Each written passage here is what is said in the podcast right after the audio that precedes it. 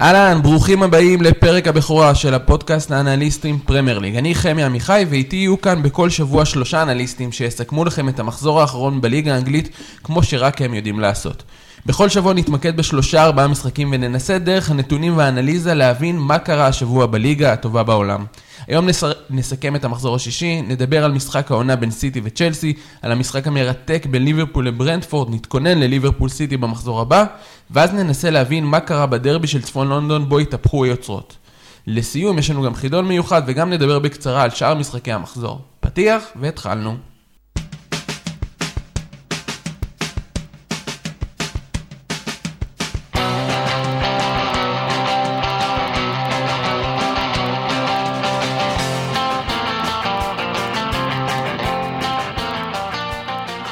אהלן, אתם על האנליסטים פרמייר ליג, ועכשיו בואו נציג את שלושת האנליסטים הקבועים שלנו. הוא אנליסט הצללים של ברונו פרננדש, והיחיד שיודע מה פפ מתכנן לעשות, זיו מלאכי, צהריים טובים. אהלן, מה נשמע? אהלן. יחד איתנו גם מנתח הנתונים של ונדייק, וכבר שנים יוצא למתפרצות ביחד עם אלכסנדר ארנולד, עידו ליאון. שלום, שלום. ואחרון, ביום הוא מתכונן למשחקים בעפולה ובריינה, ובלילה הוא מעריץ מספר אחת של קונור גלגר, דורון אהרון. זה אני. מה קורה לכם? היה לנו שבוע די מטורף אה, מבחינת הליגה, אנחנו ישר נתחיל עם אה, משחק המחזור, אני חושב, משחק, אה, אה, סוג של משחק העונה הראשון שלנו, צ'לסי מול סיטי. אה, ואנחנו רוצים, בואו נתחיל עם אה, זאת שהפסידה, צ'לסי, שקורא תיגר בעצם על האלופה. אה, היה אה, בכלל, הרבה בעיות נחשפו במשחק הזה בצ'לסי, אה, מה אנחנו בעצם אה, יכולים להגיד על איך שצ'לסי עבדה? אז תראה, צ'לסי, אני חושב שהתחילה את המשחק מאוד מאוד נמוך, בואו נתחיל מזה. אה, זה לא הפתעה, כי מה שטוחל נוהג לעשות כשהוא משחק מול פפ, זה לתת לפפ, אה, לסיטי, כמה שפחות אה, חללים אפשריים בין ההגנה לקישור, בין הקישור להתקפה. גם אם זה אומר לוותר על הפוזיישן. גם, גם זה אומר לוותר לגמרי על ה possession. צ'לסי גם ככה היא לא קבוצה שרצה על possession גבוה בכל אופן, אבל, אבל כן, הוא, מה שהוא מאוד רוצה לעשות כשהוא משחק מול סיטי או מול פפ בעיקר, זה לסגור חללים. לסגור חללים בעיקר בין הקישור וקישור אחורי לקו ההגנה. אז הם עשו את זה. ומי שהשתתף במאמץ גם הפעם היה גם קו ההתקפה, זאת אומרת גם לוקאקו וורנר עמדו מאוד מאוד נמוך. זה יצר מצב שהוא קצת דפנסיבי מדי, אני חושב, גם טוחל, אגב, ראו את זה תוך כדי המשחק, כל הזמן אה, צעק על השחקנים לצאת טיפה יותר קדימה, לצאת טיפה יותר קדימה, אה, לא היה בכלל לחץ על אה, הנעת הכדור בקו האחורי של אה, סיטי, אה, תקן אותי אם אני טועה, דורון. במחצית הראשונה זה היה ממש נראה כאילו סיטי מניעה כדור בשלווה, באופן אה, יחסי. כן, ברגע, היה- ש... ברגע שהם הרגישו שהאופציות סגורות והמסירות הלכו אחורה, אז היו את הפעמים הבודדות האלה שצ'לסי כן ניסו ללחוץ גבוה, אבל שוב, זה לא היה משהו מתוכנן, זה היה כאילו טריגר מאוד מסוים שלפיו הלחץ של צ'לסי פשוט הולך יותר גבוה. והוא גם אה, היה מאוד... אה, זאת אומרת, זה לא קרה הרבה פעמים, הטריגרים נכון, האלה. זה היה ממש פעמים בודדות. פעמים, לוקאקו בטח לא לחץ, אה, ורנר גם לא לחץ. נתחיל רגע קצת אולי בבסיס, אבל אה, צ'לסי אה, שיחקה בניגוד מפתיחת העונה, או לא יודע אם כל כך בניגוד, אבל בשונה מפתיחת העונה, היא שיחקה אה, 3-5-2. אה, או במקרה הזה לדעתי אפילו יותר 5-3-2, זאת אומרת כי השחקני כנף היו יותר אחורה מאשר אה, קדימה. אה, ראינו את זה קורה במשחק הקודם, במשחק הקודם טוחל עשה שינוי במחצית, נכון. ניצח לו את המשחק נגד נכון, טוטנאם. נכון. עשה את זה מול טוטנאם הוא השתלט על, על, על הקישור. טוטנאם פתחה טוב, הוא השתלט על הקישור, על ידי זה שהוא הכניס את קנטה יחד עם ז'ורג'יניו קובצ'יץ'. וקובצ'יץ', כן, סליחה, ברח לי. אה, והוא התחיל ככה גם את המשחק הזה, אז הוא התחיל 3-5-2, אה, עוד פעם, 5-3-2 יותר נכון. אה, ניסה להשתלט על הקישור, ניסה לא ליצור חללים, מי יותר טוב מאשר קנטה להיות שם בקישור לעשות את זה. ואיפשהו שם בדקה, אני חושב 15, הייתה שם התקפה שהיא כאילו הייתה אמורה להיות צ'לסי קלאסית, כדור ארוך ללוקאקו, שמוריד. מוריד ומשמש כשחקן קיר, אחר כך כדור לוורנר שרץ עם המהירות, וחזרה ללוקאקו, זה כמעט הסתיים בגול אגב, אבל, אבל לא, אבל, אה, אבל ככה צ'לסי התחילה למשחק. נכון, אבל המהלך הזה הוא גם בדיוק התוכנית משחק. נכון. זאת אומרת שאתה משחק עם לוקאקו בכוונה, ורנר, חלוץ מאוד מושמץ, שחקן שלא מקבל הרבה קרדיט, פתאום אה, מקבל קרדיט ופותח בהרכב, המטרה בסוף, כדור ארוך ללוקאקו, שילך אחורה לשחקן שיבוא לקבל כדור וישלח את ורנר על המהירות. אה, מה שמעניין והרבה מהסיבה שזה לא הצליח, זה קודם כל כי השלישיית קישור לא הצליחה להשתלט על הקישור, וכל פעם שהיא קיבלה את הכדור, סיטי לחצה אותם באטרף, לא נתנו להם שנייה לנשום. ופשוט לא הצליחו לשחרר את הכדורים, וללוקאקו וורנר לא היה באמת למי למסור מאחוריהם כדי לעשות את התנועה. לוקאקו וורנר ביחד עם 19 מסירות מדויקות במשחק. מסביר את ההבדלים בין... בוא נתחיל אולי לדעתי בסטטיסטיקה הכי ברורה. צ'לסי כולה עם אפס איומים לשער. למסגרת. למסגרת, סליחה. ארבעה איומים לשער ואפס איומים למסגרת, שזה זה כאילו נראה לי מספר את כל הסיפור בזכות עצמו. זה סוג של התבטלות. ממש כאילו, לפחות במחצית הראשונה, היה שם כאילו התבטלות ברמה ההתקפית. כלומר, הם לא יצאו, לא, יצאו, לא יוצאים קדימה, הם לא עושים את המהלכים. גם המהלך שאמרת, המהלך הקלאסי שלהם בעצם, הלוקקו שמשחרר את אה, ורנר, לחלוץ השני לידו, כן. אפילו, זה לא באמת הבעיה. כן, שוב, אז אה, באמת כמו שזיו אמר, פשוט הם אה, ירדו נמוך כדי לייצר את השטח הזה מאחורי קו ההגנה של, אה, סיטי, וכשהכדור נכנס בין הקווים של צ'לסי, משם יוצאים להתקפת מעבר עם ורנר וולקקו, כמו שאמרנו פה. אני, נורא הרשים אותי מה, ש... מה שסיטי עשתה, אבל כאילו, כרגיל סיטי הנה עם שלישייה, שלעיתים קרובות זה היה שתי הבלמים ו- וווקר. אה, ומה שמעניין זה שגם ברנרדו וגם רודרי, הם היו הקשרים האלה שהיו בין אה, קו הקישור לקו ההתקפה של צ'לסי, שבאו לקבל את הכדור בין החורים האלו. והרעיון היה בעצם לנתק את הקישור, לנתק את קנטה ואת קובצ'יץ' מהאזורים האלה שהם יותר קרובים לקו הגנה. ואז אתה יוצר את הפערים האלה בין... אה, בין, בין אה, הקישור להגנה. בדיוק, בין הקישור להגנה של צ'לסי, יש את הפערים האלה, ואני חושב שנתון אה, שאפשר לראות אותו, שבא לידי ביטוי שם הכי הרבה, זה שלפורט, דיאז, בוקר, רודרי וברנרדו סילבה, עם אחוזי מסירות הכי גבוהים, זה אומר שהם לא לקחו את הסיכונים, הם הניעו את הכדור בפשטות ועזרו בהנעת כדור, ושאר החבר'ה לקחו יותר את הסיכונים בשליש השלישי.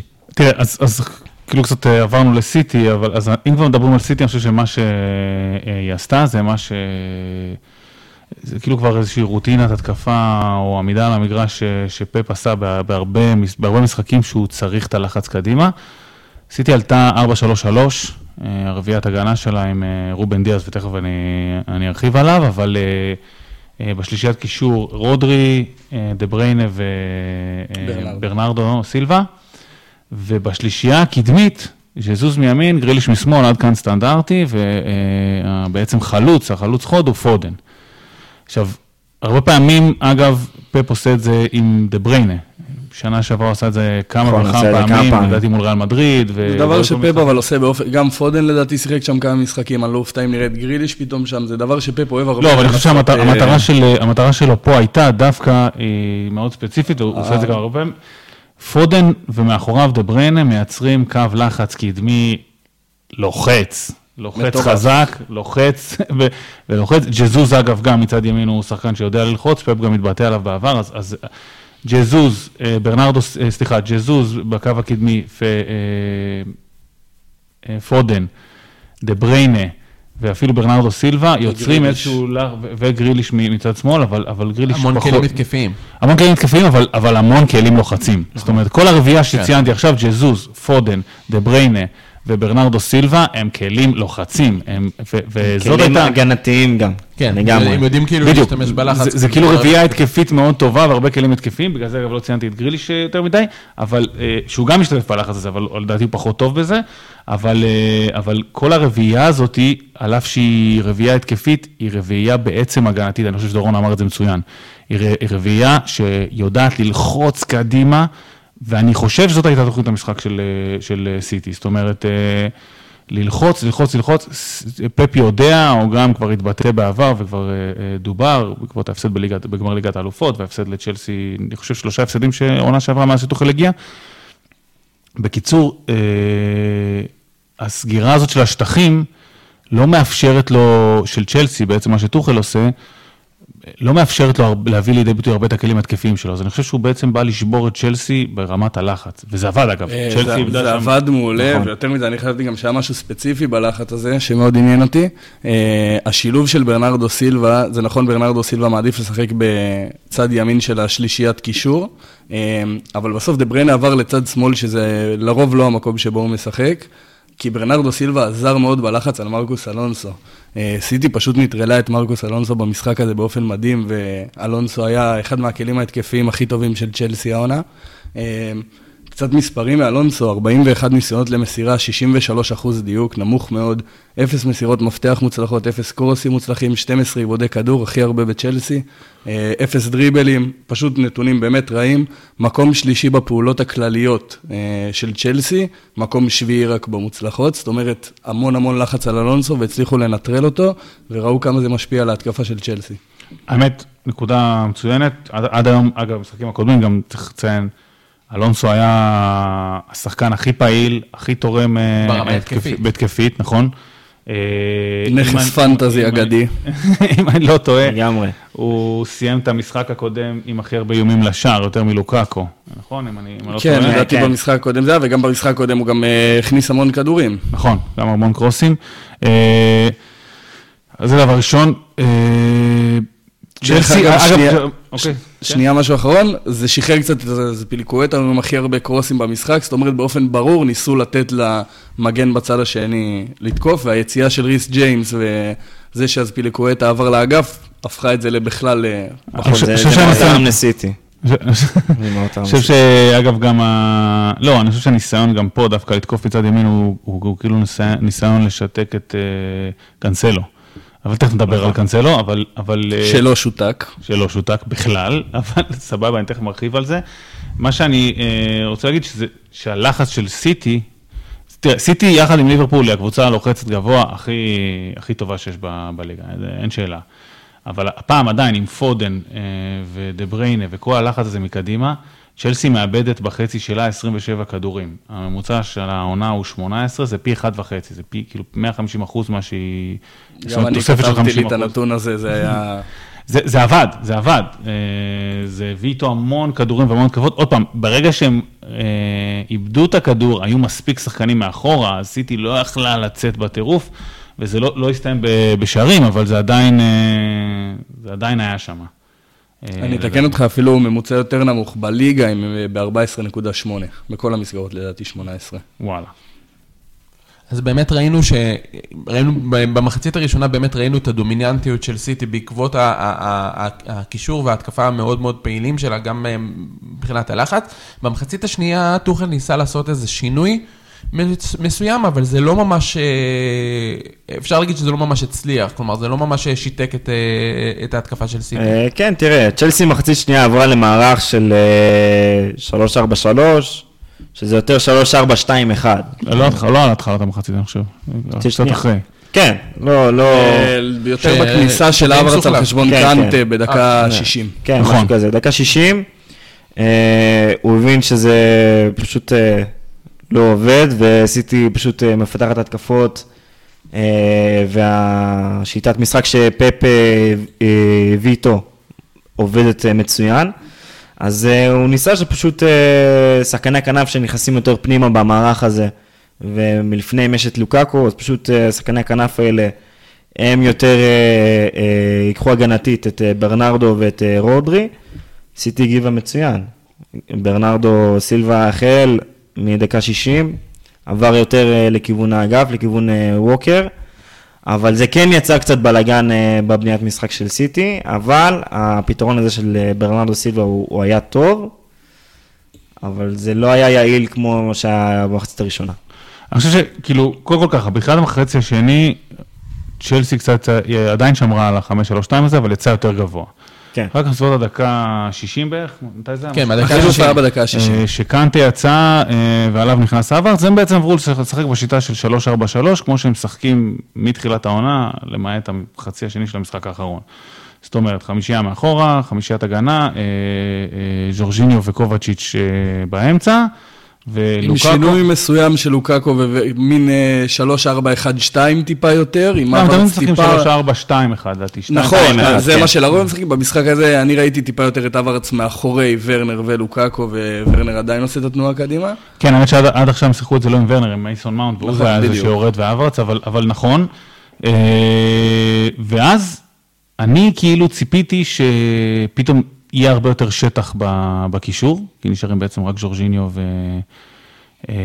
וקובצ'יץ', משום מה אני מצליח לשכוח אותו מחדש כל פעם, אבל, אה, אבל אה, קובצ'יץ'. הוא היה די נשכח במשחק הזה, כן, בניגוד האמת למשחקים שכן, אחרים. הוא האמת שכן, ה- אולי יש סיבה, אולי יש כן. סיבה. אז אז אם קובצ'יץ' שומע את זה, כדאי שהוא step up, כן. כי אחרת אני לא לא אומר את השם לא, שלו. מתחילת תחילת העונה דווקא הייתה לו תחילת עונה מאוד תחילת עונה טובה, מצוינת. כן. ואיכשהו במשחק הזה דווקא הוא נעלם. כן, אבל... אני חושב שכל הקבוצה כאילו די נוטרלה. כן. זהו, אם להיות אמיתי, זה לא קובצ'יץ', אם כבר קובצ'יץ' עוד היה טיפה יותר בסדר מקנטה וז'ורג'יניו שעברו משחק אה, נכון. מזעזע. נכון. אה, רק ארבע שחקנים של צ'לסי, מעל 50% בתיקולים, שתיים מהם מחליפים. זאת אומרת, צ'לסי הייתה מאוד חלשה בקישור. אה, לקראת דקה 76 נכנס לופסוס צ'יק. לא, אבל רגע, רגע, לפני שעברו ללוקטוס צ'יק, אז, אז, אז אני אוקיי. חושב שה-343 הזה, בעצם מה שהוא עשה, עוד פעם, אני ציפיתי שכאילו יהיה קצת יותר דליל בקישור, אה, ואז השלישייה של אה, סיטי, שזה דה בריינה, אה, ברנרדו סילבה. ורודרי, השתלטו על הקישור, ודווקא זה כאילו קצת בלבל את סיטי. פתאום היה לה מלא אוויר שם, והיא התבלבלה, הם, הם, הם, לא יודע אם שמתם לב, הם התחילו לדרבל מלא, והם איבדו את הכדור יותר מהר. זה כאילו הרגיש לי כמו איזשהו... מישהו שרגע יצא מאיזה תא מאוד צפוף, ופתאום משתולל על זה שיש לו מרווח אה, לצאת.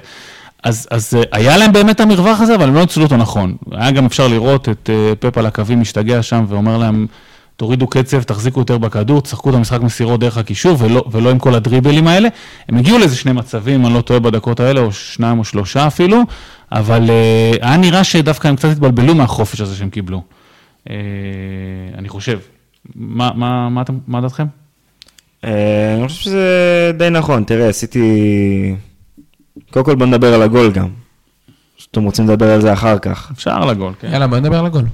הגול, אה, שוב, האמת שזה מצחיק, ש- כי צ'לסי אנחנו רואים כאילו, הזכרנו את זה גם אה, כזה בחצי משפט כרפרנס כזה, אבל מחזורים אחרונים, מחצית ראשונה היא לא טובה, ממש לא טובה. מחצית שנייה עושה איזשהו שינוי שמביא אותה במחצית השנייה לסיטואציות יותר טובות. אה, ואם נחזור רגע לגול של סיטי, אז אנחנו, קודם כל, עוד גול מנייח, זיו. כן. אנחנו נדבר על נייחים. זו תופעה כאילו נייחים, כבר גם. אה, בלתי נתפסת פה בפרמייר ליג. זה תופעה שנמשכת מהיורו. אה, אנחנו נדבר על הנייחים, אבל קודם כל, זה רק שער שני שצ'לסי סופגת, נכון. וגם זה מנייח. היה לנו את הפנדל של סאלח, ואת הגול הזה שהגיע מאיזשהו יבוביה ברחבה, פגע במישהו שהיה כתוצאה מקרן.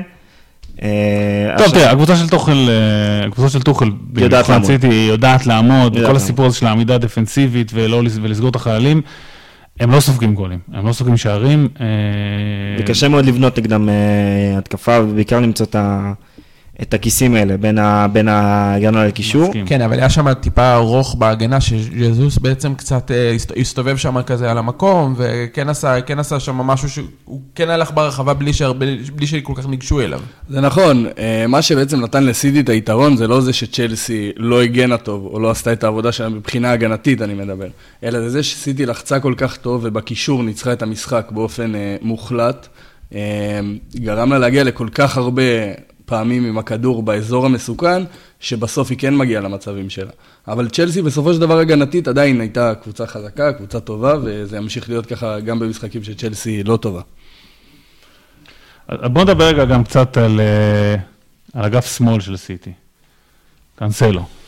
קנסלו. קאנסלו עם הכי הרבה פעולות אה, על המגרש בצד של סיטי, 139, זה כאילו ים. אה, הכי הרבה מסירות, הכי הרבה מסירות מפתח בקבוצה. אה, קרוסים, מקום לא ראשון- יחד עם עוד כמה שחקנים, אבל, אבל כן. אה, מאבקים, הכי הרבה, 24. אה, 12, אגב, 12 הגנתיים, 12 התקפיים, זאת אומרת, הוא חילק את המאמץ באופן די מוחלט בין, אה, די שווה, סליחה, בין ה- אה, הגנה להתקפה. דריבלים, 9. בדיוק, תשע וכמה כאילו, מקום שני. מקום שני, גריליש עם גריליש עם ארבע. ארבע. כאילו, אתה- מצפה שהיחס יהיה בדיוק הפוך, שגריליש כאילו יהיה זה עם התשע. למרות שלמשחק הזה זה אולי טיפה יותר התאים עם הצפיפות שבה גריליש היה באזורים שלו. נכון, אבל, אה, אבל עדיין. קנסלו באמת היה כאילו- מדהים.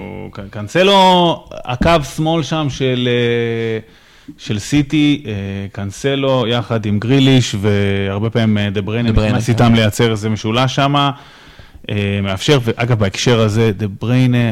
הוא כזה שחקן חכם, שזה לא יאמן, בסדר, אני לא מגלה פה לאף אחד שום דבר חדש. לא, לאף אחד. אבל, אבל ציינתי את זה בהקשר של הדריבלים, כי שמתי לב לזה שבקטע של הדריבלים, הוא יודע לאיזה שחקן לבוא ולצופף וליצור איזשהו חוסם, זאת אומרת לצופף אותו, מי, מי יסתדר עם זה, אה, אה, הרבה פעמים, אגב, קאנסלו, והוא יודע, כשנגיד גריליש באגף, הוא לא דוחף אליו, אלא ההפך, הוא משחרר את האגף, הוא כאילו בורח ולוקח איתו את השמירה, ונותן ל- לגריליש ואני כאילו את נותן לו. להתמודד באחד על אחד. באחד על אחד, אפילו לפעמים אחד על שתיים, אבל כאילו, הוא פשוט יודע עם איזה שחקן אה, לבוא לדאבל, עם איזה שחקן לא לבוא לדאבל, עם איפה לשחרר את הוא יודע השטח, מי צריך את העזרה ומי צריך יותר את השטח הזה, השטח. ללכת ימינה-שמאלה.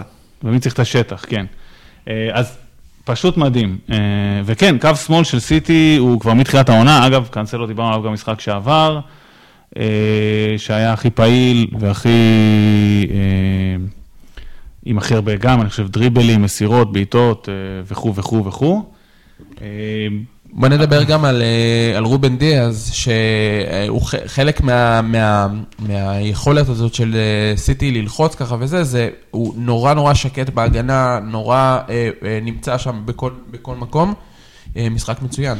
אני חושב שהוא נתן לסיטי, הוא חזר למשחק הזה ונתן לסיטי את מה שוונדייק נותן לליברפול. הוא נתן לה, במשחק הזה ספציפית זה היה מאוד חשוב, את היכולת ללחוץ קדימה. אה, וללחוץ גבוה, זאת אומרת עם קו אחורי שלוחץ גבוה.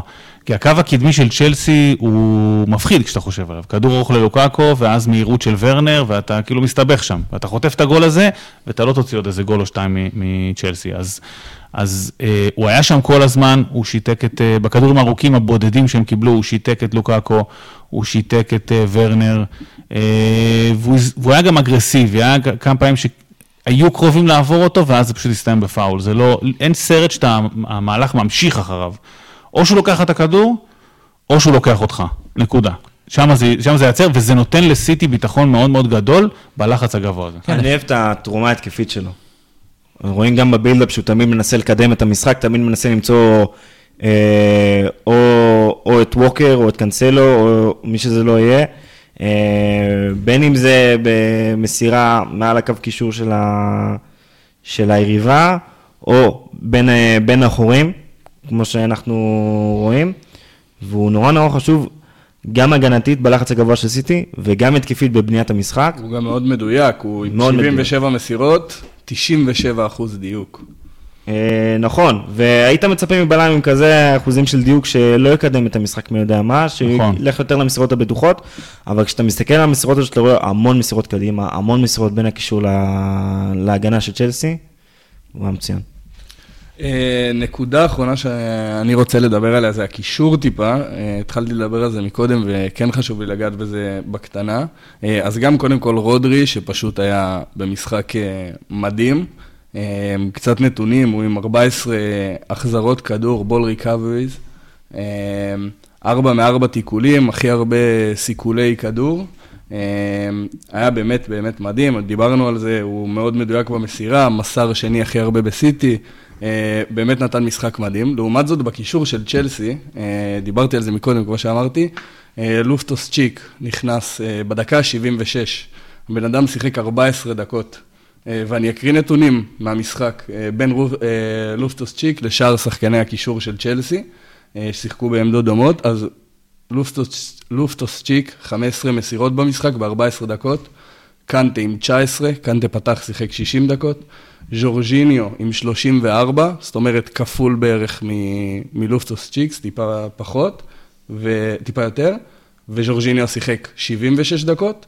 קובצ'יץ' גם באותו אזור 38. כלומר, מאבק- כן, הוא הרבה יותר... הוא הרבה יותר, מאבקים אה, כלליים, 9 לעומת אבל צריך- 11, 14, דריבלים, באמת, בכל הנתונים, יש לו נתונים טיפה יותר נמוכים משחקנים ששיחקו את. רוב המשחק. קודם כל הוא היה משמעותי, וזה באמת נותן אה, חומר למחשבה לטוחל, אבל שוב צריך לזכור שהוא נכנס בדיוק בדקות שצ'לסי באמת שלחה שחקנים קדימה. נכון, כן, כן. הוא עזר לזה מאוד, מה שכן רציתי להגיד, זה בעיקרון מה שסאול אמור להביא לקבוצה, וזה זה יהיה מעניין. סאול, אה, הרבה מזה הטיפה קשיחות, נכון. טיפה לנצח במאבקים.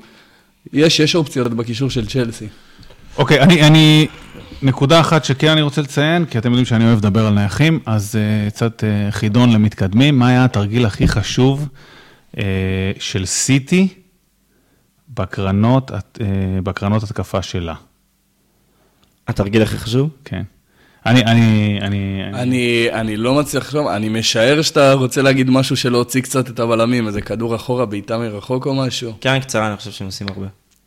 המהלך הכי חשוב במשחק הזה היה הגנתי דווקא. כל קרן התקפה שלה, מישהו נצמד אישית לוורנר.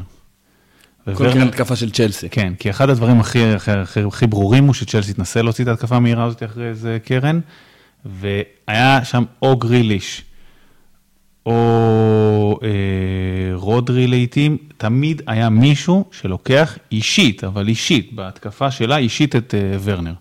ואגב, ורנר ניסה לצאת את זה פעמיים וחטף שם פאול, פעם אחת מגריליש, אה, פעם אחת פאולים מרודרי. חכמים. כן, זה, זה בעיניי מבטא הכנה ממש ממש טובה. אה, זאת אומרת, לגמרי. שהמשחק לא יברח לך אפילו מאיזה קרן אה, מטופשת כזאת או איזה התקפה. אגב, זה גם לסגור את כל הפינות. בדיוק, בדיוק. זה, זה הכנה מושלמת מבחינתי. אה, אז התרגיל הכי חשוב שלה היה דווקא הגנתי, וזה יפה בעיניי. אגב, רודרי, אה, עידו דיבר על רודרי, עוד משהו באמת קטן על רודרי, אמרת 14 ריקאבריז, 10 מתוך ה-14 האלה הם בחסד של צ'לסי.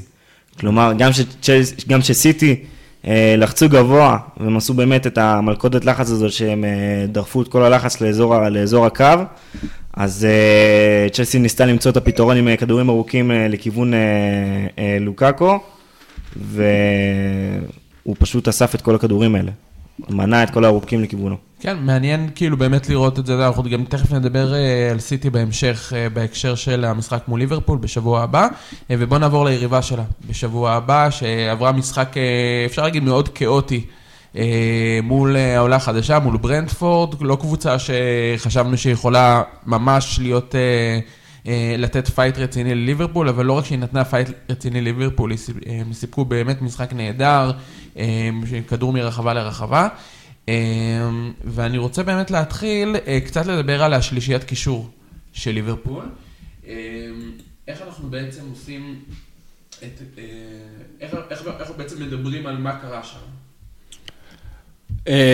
כן, אז השלישיית קישור של ליברפול הייתה באמת מעניינת במשחק הזה. פתחו קרטיס ג'ונס, ג'ורדן אנדרסון ופביניו מאחוריהם. אה, בליברפול ידוע מאוד העלייה של המגנים, ידוע מאוד שטרנד, הר- הרבה קבוצות משחקות עליו, ושהמגנים צריכים את העזרה, זה בדרך כלל מגיע כשליברפול משחקת אה, 4-3-3, פביניו יותר עוזר במרכז, בשטח שטיפה מחוץ לרחבה, והנדרסון והקשר השני, הולכים לצדדים. ארביאלי או תיאגו, הולכים ל- לתמוך בצדדים. נכנסים לאיזה משולש, לעשות שם איזה משולש, או... אה, ברנדפורד, אחרי שדיברנו המון על צ'לסי וסיטי ועל הטקטי מצד שני המאמנים, ברנדפורד מבחינתי מנצחת המחזור מבחינה טקטית. מבחינת אה, הכנה לגמרי. הכנה, היא, היא עשתה כל כך הרבה דברים שאפשר דורון, אתה לגעת יודע. שהוא שהוא אוהב את אתה הקטנות. אתה אתה יודע שהוא את אוהב את. הקטנות ואת האנדרדוג, אל תדליק אותו עכשיו. כן, בשבילך גם טוב, אוהד צ'לסי, אה? לגמרי. אני לא נהניתי. אוהד ליברפול צריך להגיד. כן, כן. אמ, אז באמת, אמ, נקודה שאני אשמח לדבר עליה מבחינת הקישור זה, זה באמת החורים עם טרנט, החוסר יכולת להשתלט, אה, ובחוסר תיאום טיפה, זה לא שקרטיס לא היה טוב באופן ספציפי, אני מדבר על קרטיס כי הוא כאילו מן המחליף הבולט, כי אנדרסון ופביניו די קבועים שם בשלישייה. אמ, הרבה טוב עם הכדור, כבש שער, היה נראה בסך הכל טוב, הוא לא עזר מספיק הגנתית, לא הצליח לחפות אה, על רובו הרבה פעמים, וזה גרם לאנדרסון, ראו את זה שנה שעברה נורא עם הפציעות של הבלמים, שחור במקום אחד במגרש גורם לכל שחקן לזוז. אז אנדרסון הרבה פעמים נגרר לאמצע, כי פביניו נגרר לעזור לקרטיס בצד שמאל, ואנדרסון, שהוא בדרך כלל הגב הבטוח של טרנט, פשוט אה, לא תמך בו במשחק הזה, וברנטפורד ניצלה את זה באופן אה, זה, מדהים. זה כתוצאה מבעצם ההכנה של ברנטפורד, בעצם זהו, כן, ה- אז ההכנה של ברנטפורד, אני בהמשך עוד אדבר עוד על איזה משהו יפה שאני ראיתי, ודיברנו על זה גם אתמול, אה, זיו, אתה גם דיברת על זה שעשו על טרנט, נדבר על זה בהמשך. אני חושב שמה שהיה בולט בשלישייה הזאת, וסך הכל זה בסדר, אתה יודע, קלופ חייב לתת ל- לשחקנים לנוח. יש לו הרבה מסגרות, הרבה עומס, אה, אז הוא חייב לתת קצת וסגל, לשחקנים. וסגל מאוד סגל קצר. סגל מאוד קצר ופצוע, אה, אז הוא חייב לתת לשחקנים לנוח. אה, אגב, לא יודע אם הוא חייב לתת לנוח, אה, תיאגו פצוע, כאילו, זה לא... זהו, אני, יש לו הרבה. ברירות, אבל... במהלך המשחקים האחרונים באמת כל פעם ראינו ונדייק, מאטיפ מקבלים מנוחה, הנדרסון, פביניו, דווקא המשחק הזה. אני חושב שזה ה-11 שקלופ חשב עליהם שהכי נכונים, קלופ הרבה כמו הארווי אליוט, נותן לצעירים ה- שאוהבים למשוך את הכדור קדימה כמו קרטיס. אני לא חושב שהיה פה איזה... הקישור, הקישור היה יותר רך והיה לו בעיות בחיפוי בעיקר. אתה ציינת את הבעיות עם החיפוי על, אה, על, על טרנט, זה היה בולט בצורה סופר ברורה. אה, רוב ההתקפות של ברנדפורד באו מצד שמאל של ברנדפורד, ימין של ליברפול, זאת אומרת על, על טרנט. אה, וגם אם לא, גם זה התחיל מצד שני, אז הם העבירו את הכדור לשם, ומאמין שתכף נדבר על זה עם הגולים שהם ספגו. אה, אז זה דבר ראשון. וגם היה לו חוסר בעזרה בהנעת כדור, וזה אני לא יודע אם הוא תוצר של השלישיית קישור הזאת או לא, כי בגדול ליברפול נראתה עייפה, אבל ליברפול לא לחצה גבוה כמו שהיא אה, רגילה. כן, ליברפול הייתה נראית מאוד עייפה. כן, כלומר, זה... ליברפול עם, עם הרבה פרמטרים ומדדים אה, נמוכים נמוכים אה, בכל, אגב, בכל הדברים של האגרסיביות. פאולים, סתם מדד מעניין, היא כאילו בממוצע של 70% מהעונה, זאת אומרת, היא עשתה פאולים אה, פחות 30% מהממוצע העונתי שלה.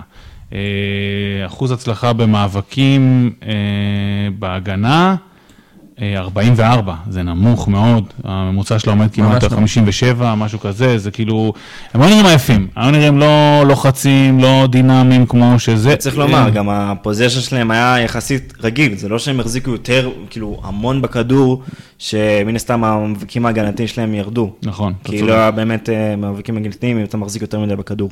אבל במשחק הזה, כאילו, זה היה יחסית נורמלי למשחק של ליברפול.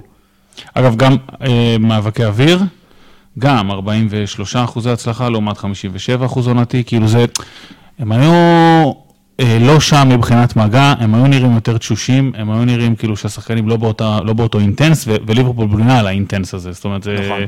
ליברפול בנויה על הלחץ הגבוה, בנויה, עכשיו, זה קורה כל פעם, אה, אה, לא, ה- לא הטיפה רפיון הזה, זה לדעתי אגב השלכה של אה, כבר כמות משחקים שהם משחקים, אלא העובדה שהם לא לוחצים גבוה קורה כל פעם, שבוע שעבר זה קרה כשלא הייתה לה את רביעיית ההגנה שלה, והשבוע לא הייתה לה את שלישיית, לא היה לה את שלישיית הקישור הקבועה שלה, אז כשאחד מהברגים במערכת, אה, אה, ליברפול עובדת בלחץ כזה גבוה, שאם אה, אחד מהברגים במערכת לא שם, אז, אה, המכונה... כן, זה ההקשר המכונה- של הסגל, שוב פעם, אנחנו מדברים על הסגל הקצר של ליברפול, זה ההקשר.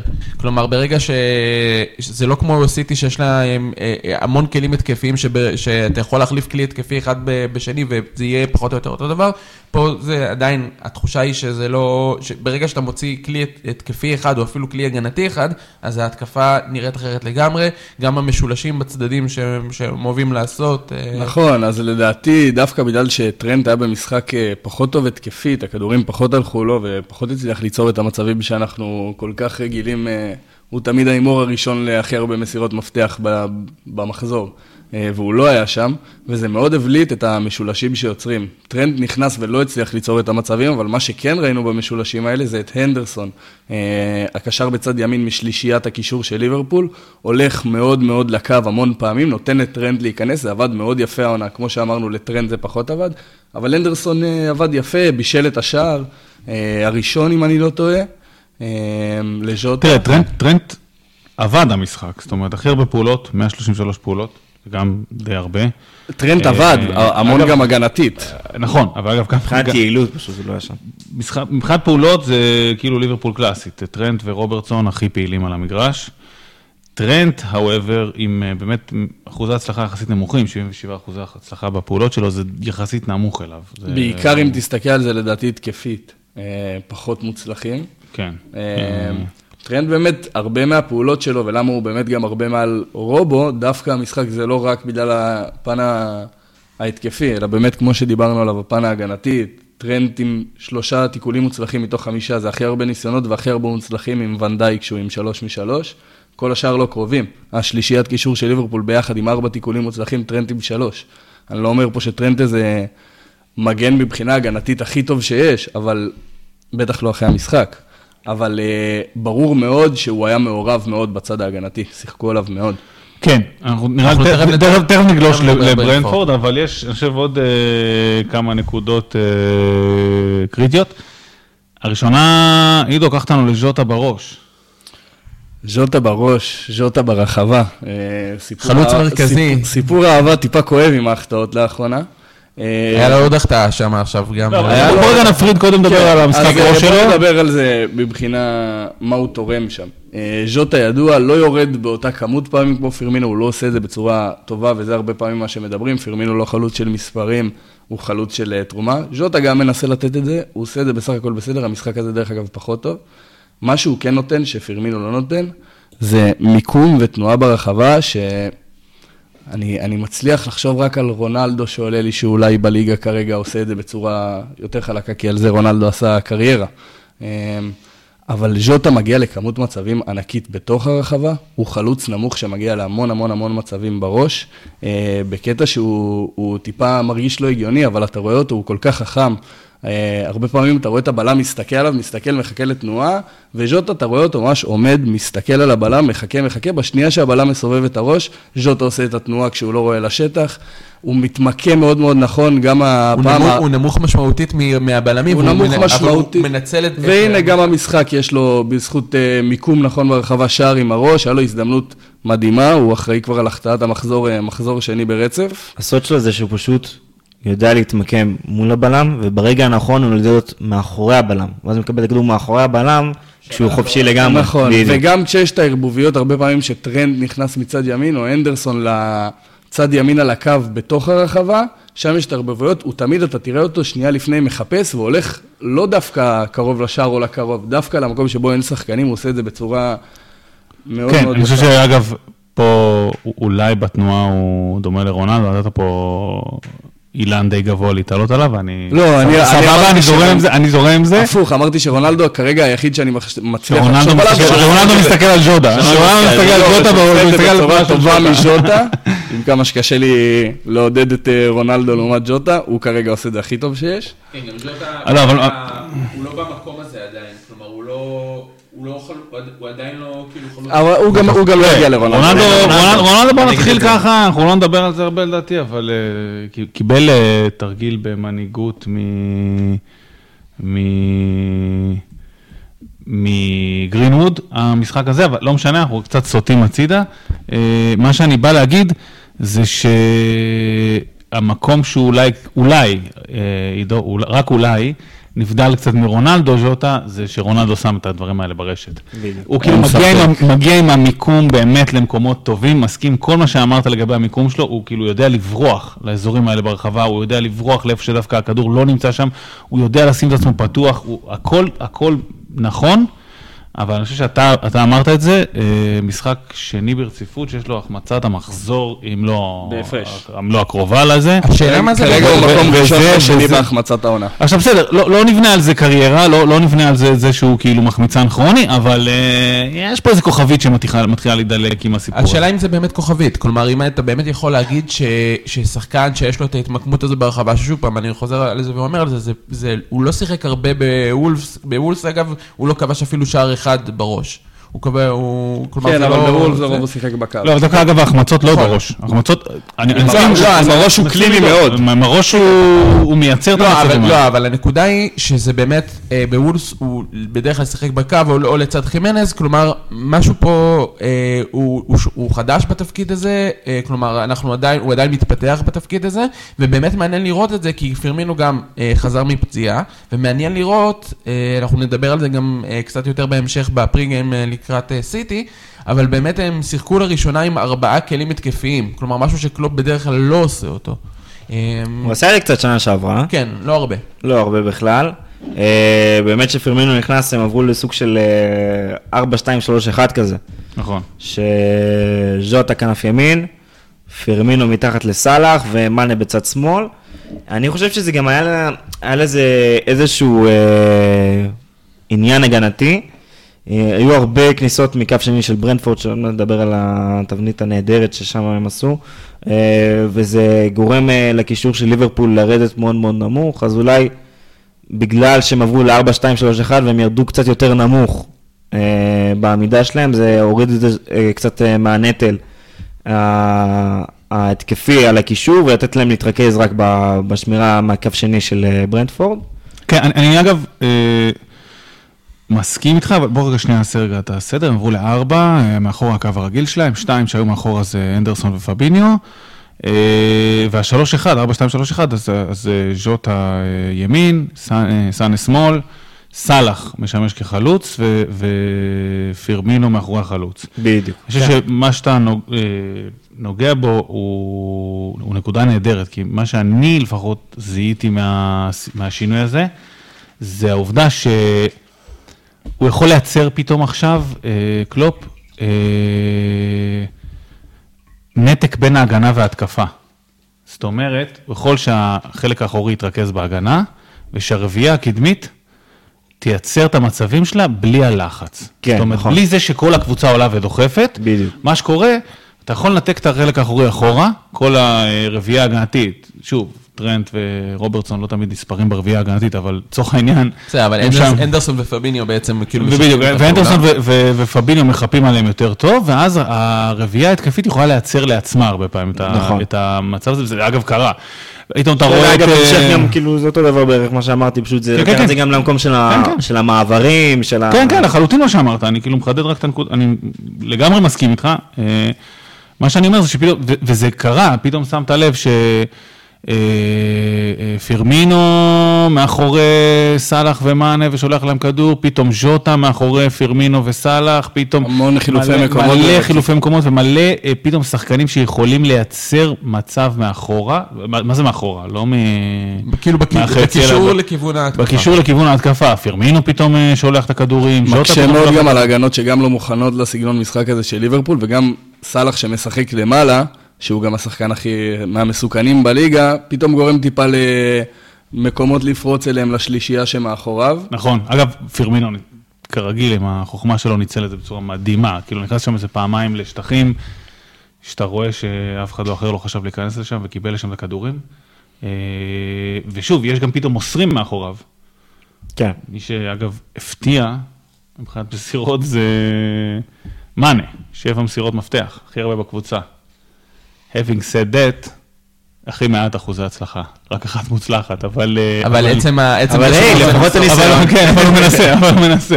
כן, בוא נדבר אה, גם אה, קצת על, על ברנדפורד, אנחנו לא נדבר עליה המון בכ- בכל פרק שלנו, קבוצה קטנה, אין מה לעשות. ברנדפורד היי, היי, לא הולך לך על הקטנות. הגיע, כן, דורון פה הוא מטעם הקבוצות הקטנות. נציג האיגוד של הקטנות. כן. ברנדפורד לא באה וניסתה לשחק, לא כמו ליד שבאה ומנסה לשחק עם לחץ ו- וכל זה, ברנדפורד הייתה מודעת למה שיש לה, משחקת, אה, אה, לא מניעה כדור, מחכה, מחכה לכדורים, עומדת יפה בהגנה. אה, בסך הכל משחק מצוין לברנדפורד. אה, משחק באמת מעולה. שנייה רק לפני שעושים את המעבר, אני אתן כי מצאתי עכשיו את הנתונים על ז'וטה, 17 איומים העונה, 14 מתוכם בתוך הרחבה, 7 מתוכם עם הראש, לחלוץ מאוד נמוך, זה, זה זה מדהים. מדהים. וגם אגב, הם ניסיונות מוצלחים. כן. זה לא רק שבע, הם גם תמיד, אני חושב, במסגרת. זאת אומרת, הנגיחות שהוא מייצר הן הוא- טובות. הוא מאוד מאוד מדויק עם הראש. באופן כללי, גם ז'וטה כשהגיע היה באופן יחסי קליני. אה, ודווקא עכשיו בשני משחקים האחרונים הוא באמת עם ההחטאות, אז זה מעניין לראות איך זה ילך. אני עוד לא חושב שיש פה מקום לדאגה. כי הוא אה, מפקיע. כי הוא מפקיע, קודם כל הוא גם מפקיע, הוא גם מגיע למצבים שזה מאוד כן, מאוד זה הנקודה, חשוב. שהוא מגיע למצבים. נכון. אה, ובנוגע למשחק של ברנדפורד באמת שעברנו, אז אה, היה מעניין, אתה אתמול דורון אה, דיברנו על זה קצת, ואמרת מודעים ליכולות שלהם, מנסים בעצם לעשות אה, את מה שהם יכולים לעשות. אז אה, באמת דיברנו על ההכנה הטקטית, ליברפול קבוצה מאוד מאוד לוחצת, וזה נכון שליברפול הייתה נראית טיפה עייפה ופחות לחצה, אבל, אבל לא היה את מה ללחוץ. ברנדפורד פשוט לא ניסו להניע לא כדור. ניסו בכלל, נכון. 292 מסירות, 75 רק מסירות קצרות. זה זה נתון ניסו מאוד... אה, להעיף כדורים. אה, עכשיו, היה בזה מחשבה, זאת אומרת, זה לא סתם מ... לא קצת- סתם לונג לא- לא בולס. בא- לא בא לי להעליב, אבל צריך להגיד מין סם אלרדייסי כזה, זה לא כדורגל אנגלי שבא, היה פה מחשבה. זה לא בת ו- בת- בת ורוץ, כאילו. לא 1980 ליגה אנגלית. זה- אה, זה- זה- זה קצת בעט ורוץ, כאילו אני אני מסכים איתך, אה, עידו, שזה- שזה היה נראה מאוד מחושב. זאת אומרת, היא לא רצתה בכלל לקחת את הסיכון שליברפול תלחץ אותה, זה בטוח. מבחינת מה שאני אומר, קצת בעט ורוץ, כי למעלה יש את טוני, וזה והם- שחקן מטרה קלאסי לכדורים האלה, לקח אני עוד המון שנייה כדורים. אדבר על זה, גם יש סבבה, פה- אז סבבה, אז... אז כן, אז טוני באמת, קודם כל היה ברור למי מכוון, יש שני חלוצים מקדימה אצל ברנפורד, טוני ואמבואמו. אה, אתם יודעים כמה מאבקי אוויר היה לטוני המשחק? שבע, לא? שבע זה יפה. כמה זה? תאר, כמה? אני... אל תחפש. לדעתי 17? 17. היה לו 23. וואו. 23 מאבקי אוויר, כמה לאמבואמו? גם- הוא גם היה גבוה אגב, לא, לא? ארבע. ארבע, אפס אחוזי הצלחה.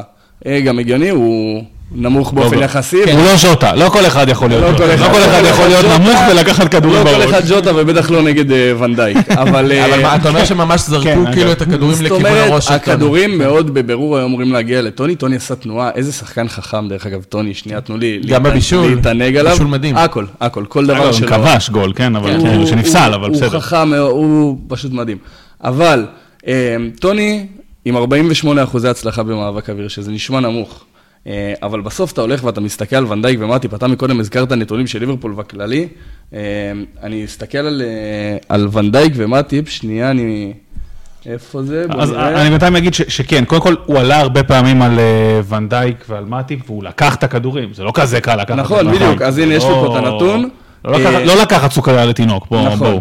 זה בטוח לא. מאטיפ עם 17 מאבקי אוויר, 59 אחוזי הצלחה, ונדייק עם 13, 54, יותר טוב מטוני, אבל ונדייק ומטיפ מקבלים את הכדור עם הפנים, כדור ארוך שלהם הרבה. יותר נוח, ואם אתה תסתכל על, על הנתונים העונתיים של ונדייק ומטיפ, אז ונדייק עם 30 מאבקי אוויר בחמישה משחקי ליגה הראשונים, 24 מתוכם מוצלחים, זאת אומרת ונדייק ב-30 מאבקים איבד 6, מול טוני, ונדייק איבד 6 מתוך 13. אה, מטיפ גם בצניחה דרסטית. טוני היה מעולה באוויר והוא הלך למרווחים שבין הבלם למגן. נכון. ובעצם קצת ריווח גם את הבלמים של ליברפול, יצר שם חור גאוני. אני חושב שבכלל- אני חושב שבכלל, אגב... אה, שווה להרחיק כן, מהתבנית כן, הזאת. קודם כל, הם הלכו הרבה פעמים, אה,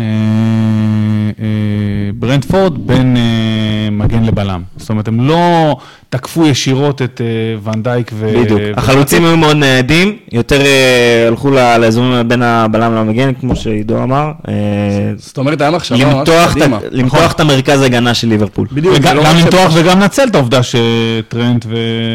ורוברטסון עולים, אז כאילו, אתה נכון. מנסה למתוח את זה, לא רק שאני- למתוח, אלא אתה מנסה גם ללכת לח- לחלל הריק. לגמרי, מה שאני מנסה להגיד, המחשבה פה, שזה לא רק איך אני לוקח את הכדור קדימה במצב טוב, אלא כשאני מגיע למצב הזה בתוך הרחבה, איך אני רוצה את ההגנה של ליברפול מסודרת. נכון. וזה טקטית, בדיוק. אה, מדהים לראות. אני חושב שגם עצם זה שהחלוצים היו במקומות שהם היו, בין הבלם למגן, זה נתן אה, לקשרים של אה, ברנפורד.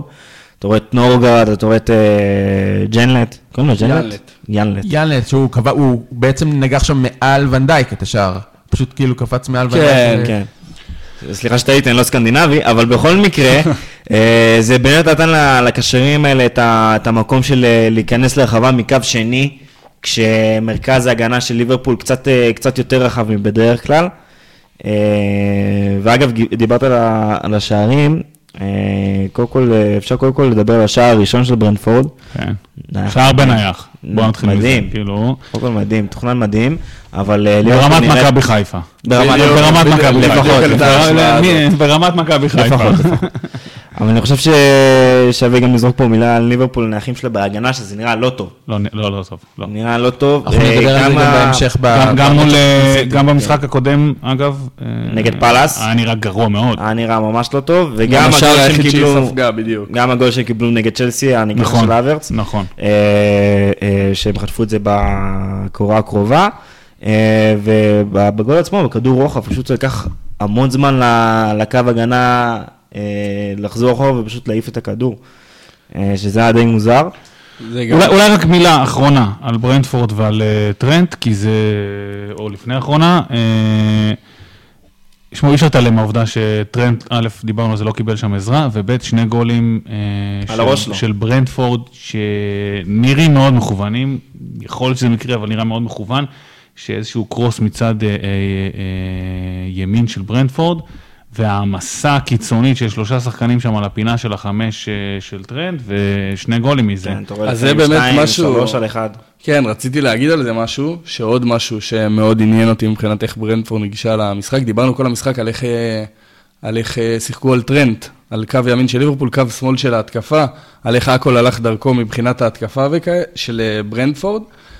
ואז אתה מסתכל על הקרוסים של ברנדפורד.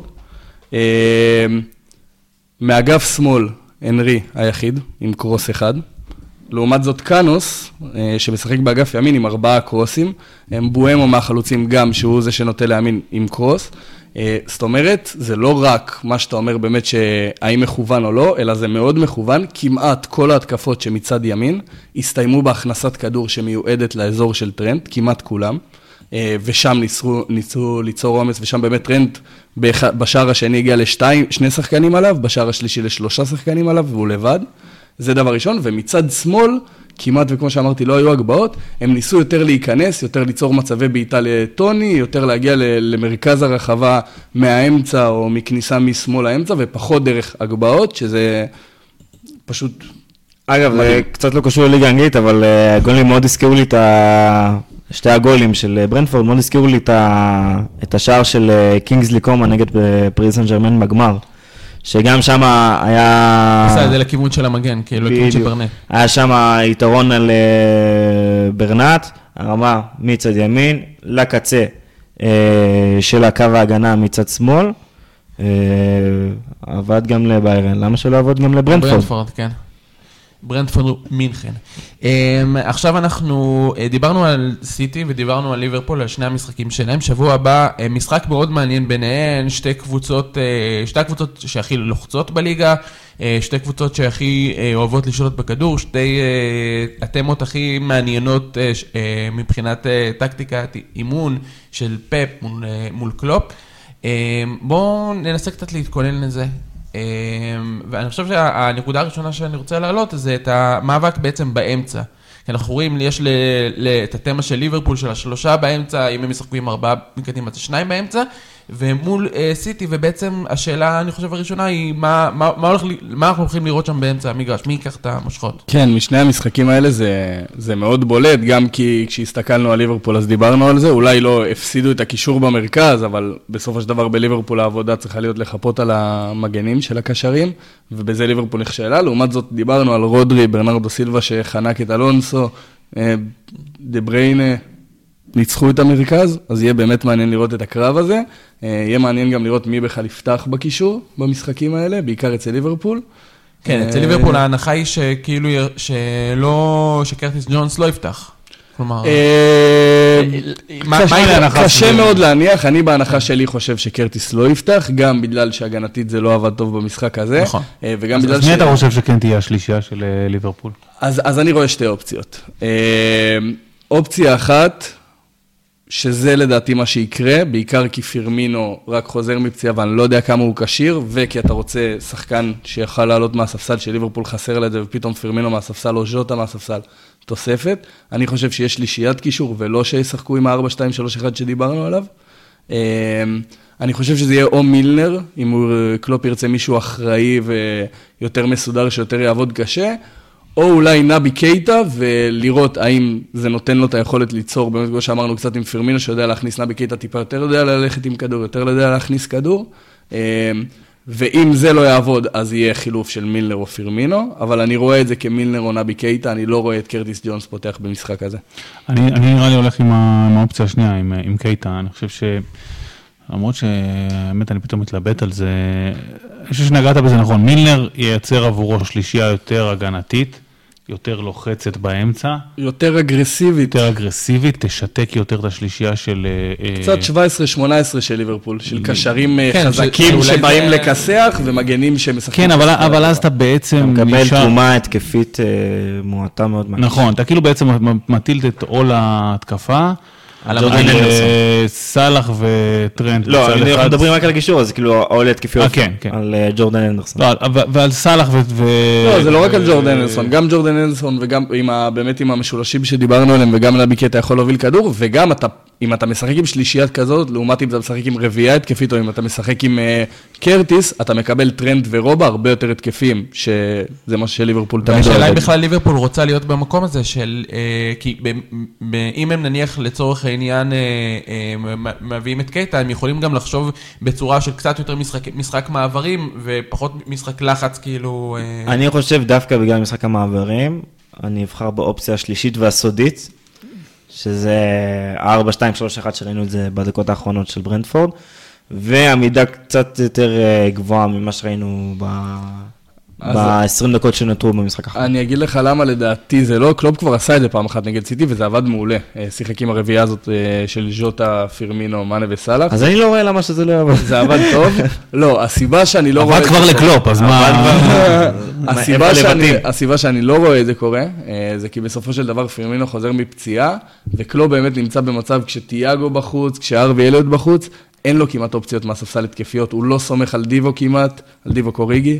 אה, גם מנמינו לא אופציה שכל כך נספרת במשחקים, הנה גם נגד ברנדפורד שהיה עשר דקות לסיום והיה תיקו, הם לא עלו. אה, כן, אבל יכול להיות לא הזה. יצטרך את האופציה ההתקפית הזאת, זאת אומרת, יכול שהוא במצב הזה ייתן איזה גול שניים ויצטרך אופציה הגנתית. זהו, אין ספק, אין ספק.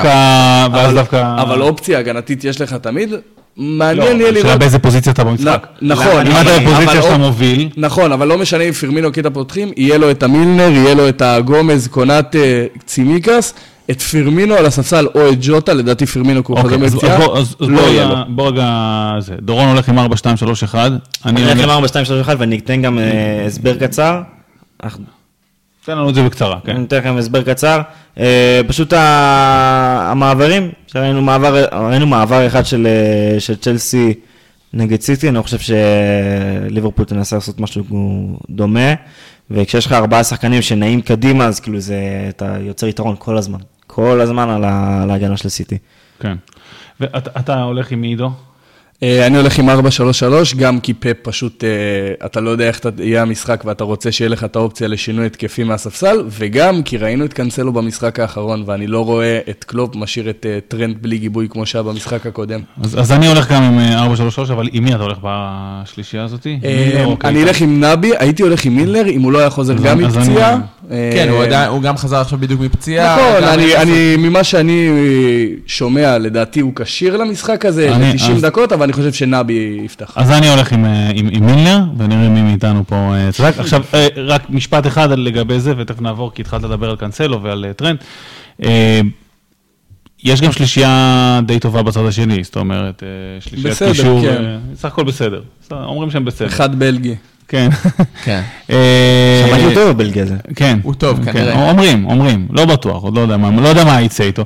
קיצור, יש את דה בריינה, יש את רודרי, אני חושב שזה העמדות הדי סגורות בקישור, ובשלישי אני קצת מתלבט בין ברנרדו סילבה ל... אה, גונדוגן. גונדוגן, אני חושב גונדוגן. בגלל הכניסות קדימה. כן. כן, אני. ירצה את גונדוגן גם כדי, כאילו... במיוחד אגב, אם, אה, אם, אם אה, ליברפול תעלה עם שלישייה הגנתית, כמו שנניח אני עם כן. עם מילנר, אז, אז יהיה יותר קל לייצר איתו, למרות שמילנר גם יותר טוב בלרדוף אחריו. אז, אז השאלה המרכזית, אני חושב, זה מי ינצח בקישור, דיברנו על זה קצת. אה, בנושא הזה שדיברנו עליו גם בהקשר של סיטי עם קאנסלו וגם בהקשר של ליברפול עם טרנט, זה קורה כמעט כל שנה שהם נפגשים, אבל זה מפגש של שתי קווים איכותיים מאוד על אותו קו. אצל ליברפול זה אה, טרנט, סאלח ואנדרסון שנכנס שם הרבה פעמים, ואצל אה, סיטי בא- באותו צד, זה בעצם קאנסלו, גריליש ודה בריינה. ודה בריינה שהם צופף דה לכאן. בריינה, או אולי, אני לא או אופתע אם גונדוגן, כן. יפתח שם ודה בריינה יכניס את הכדורים מהצד השני, כדי ליצור את אותו עומס שברנדפורד יצרה על טרנט. נכון, וזה... לא, אבל דווקא, דווקא גונדוגן, מה שהוא עושה, הוא נכנס למרכז. נכון, אבל... דה אבל- בריינה, הוא מעמיס את אגף שמאל. נכון, אבל פעמים. ברגע שהם, אבל זה בדיוק מה שאני אומר. אני חושב שדווקא פפ יחשוב על המשחק נגד ברנדפורד, עוד פעם, קשה מאוד לשער מה פפ יעשה, אבל ינסה דווקא להכניס את הכדורים מצד ימין, בהגבהות אני מדבר, דרך ה half ספייסים האלה של אה, דה בריינה מחוץ לרחבה, ושבצד השני, בתוך הרחבה, זאת אומרת ברחבה עם נטייה טיפה לצד ימין של ההגנה של ליברפול, יהיה גם גונדוגן, גם גריליש וגם עוד שחקנים שיעשו את הכניסה וינסו ליצור עומס על טרנט. באופן כללי, השאלה פה העיקרית מבחינת ה match-up של קאנסלו מול אה, טרנט, זה בעצם מי, אה, מי יביא את התמיכה היותר טובה בשבילם, כי שניהם יצטרכו תמיכה אחד מול השני. נכון. השאלה היא מי בעצם, במצ'אפ הזה זה גם ה- כל השחקנים התומכים. נכון, נכון. בגלל זה גם אני טוען שלמשחק הזה, דיברת על זה גם מקודם עם הקישור, הנדרסון ופביניו לא משנה באיזה מערך ולא משנה מי יהיה השלישי, הם שחקנים מרכזיים מאוד במשחק הזה, בקישור ובתמיכה. יהיה בטוח דו-קרב מעניין על הקו הזה, קו ימין של ליברפול, קו שמאל של סיטי, כאילו מה שמוביל אותנו דו-קרב, בכלל אה, כאילו לשאלה, הרי זה שתי הקבוצות שהכי לוחצות בליגה, אולי אפילו הכי לוחצות באירופה. כלומר, מבחינת האפקטיביות של הלחץ, יש את, את, אה, את אה, קלופ עם השיטה שלו, את פפ עם שיטה קצת שונה. אמ, לא, שתי הקבוצות לא יכולות להחזיק אה, ביחד הרבה זמן בכדור, שתי הקבוצות לא יכולות כאילו לעשות את זה. שתי הקבוצות גם לא יכולות ללחוץ 90 דקות. נכון. את הקבוצות כן. הללו. נכון, כן. אז השאלה בעצם, איך הן אה, הופכות את הלחץ הזה ליותר אפקטיבי. כל אחת אה, לעצמה, איך בעצם אנחנו, אה, איזה קבוצה תעדיף, ת, ת, תגיד, אולי אנחנו נהיה טיפה יותר אחורה, אולי נעשה טיפה יותר מעברים, כמו ליברפול למשל. נראה לי שאם כבר אני מהמר על מי שזה יהיה, זה יהיה ליברפול. ליברפול אה, יודעת גם לעשות את זה, יודעת לתת את הכדורים הארוכים, אה, יודעת לרוץ דרך סאלח ומאנה. אה, נראה לי, דורון, אתה... אני, אני אמשיך את הנקודה שלי עם, ה... עם ההימור של המערך שלי, של 4-2-3-1. אני חושב שזה נותן את, ה... את האופציה לסיטי כן להכניס את, ה... את הכדורים בין החורים, וברגע שהכדור נכנס אה, אה, בתוך, ה... בתוך המערך של ליברפול, שם תבוא המלכודת לחץ של פביניו, של אנדרסון, של אה, ונדייק אפילו, אם, אה, אם הוא צריך לצאת, וברגע שהם זוכרים את הכדור, אה, יש לך גם ז'וטה, גם פירמינו, גם סאלח אז וגם אני אשאל מאנה. אותך שאלה על זה, כי, כי מעניין אותי מה הדעה שלך. אתה משחק 4-2-3-1 עם הנדרסון ופביניו. נכון, מי בצד ימין? הנדרסון. מי בין השניים בקישור? בקישור כן. אוקיי. אמ, מי מחפה על טרנט? בעצם אני מסתכל על שתי הנקודות אה, הכי מרכזיות מבחינתי כרגע בסיטי למשחק הזה, וזה קו התקפית וזה קו שמאל, וקווין דה בריינה כי הוא נקודה משל עצמו. אמ, עם פביניו, שכנראה שמה שיקרה במשחק הזה יהיה מאוד מאוד מרוכז בלהיות על דה בריינה, לא לתת לו את החופש, והוא עושה את זה טוב מאוד. אבל אם הוא יהיה על זה, מי מחפה על, על אה, טרנט? שאתה תהיה חייב כשקנסלו עולה? אה, אני לא רואה, אם זה יקרה, אני רואה את אותו בלאגן שנוצר עכשיו. אם הנדרסון ופביניו פותחים ביחד בקישור, אני, אם הנדרסון ילך לחפה על טרנט כי הוא חייב, אין מה לעשות, ליברפול לא תוכל להתמודד אה, מול קו שמאל בלי חיפוי. אם הוא ילך, אתה משאיר חור במרכז, שפפ יראה ויחרוש עליו.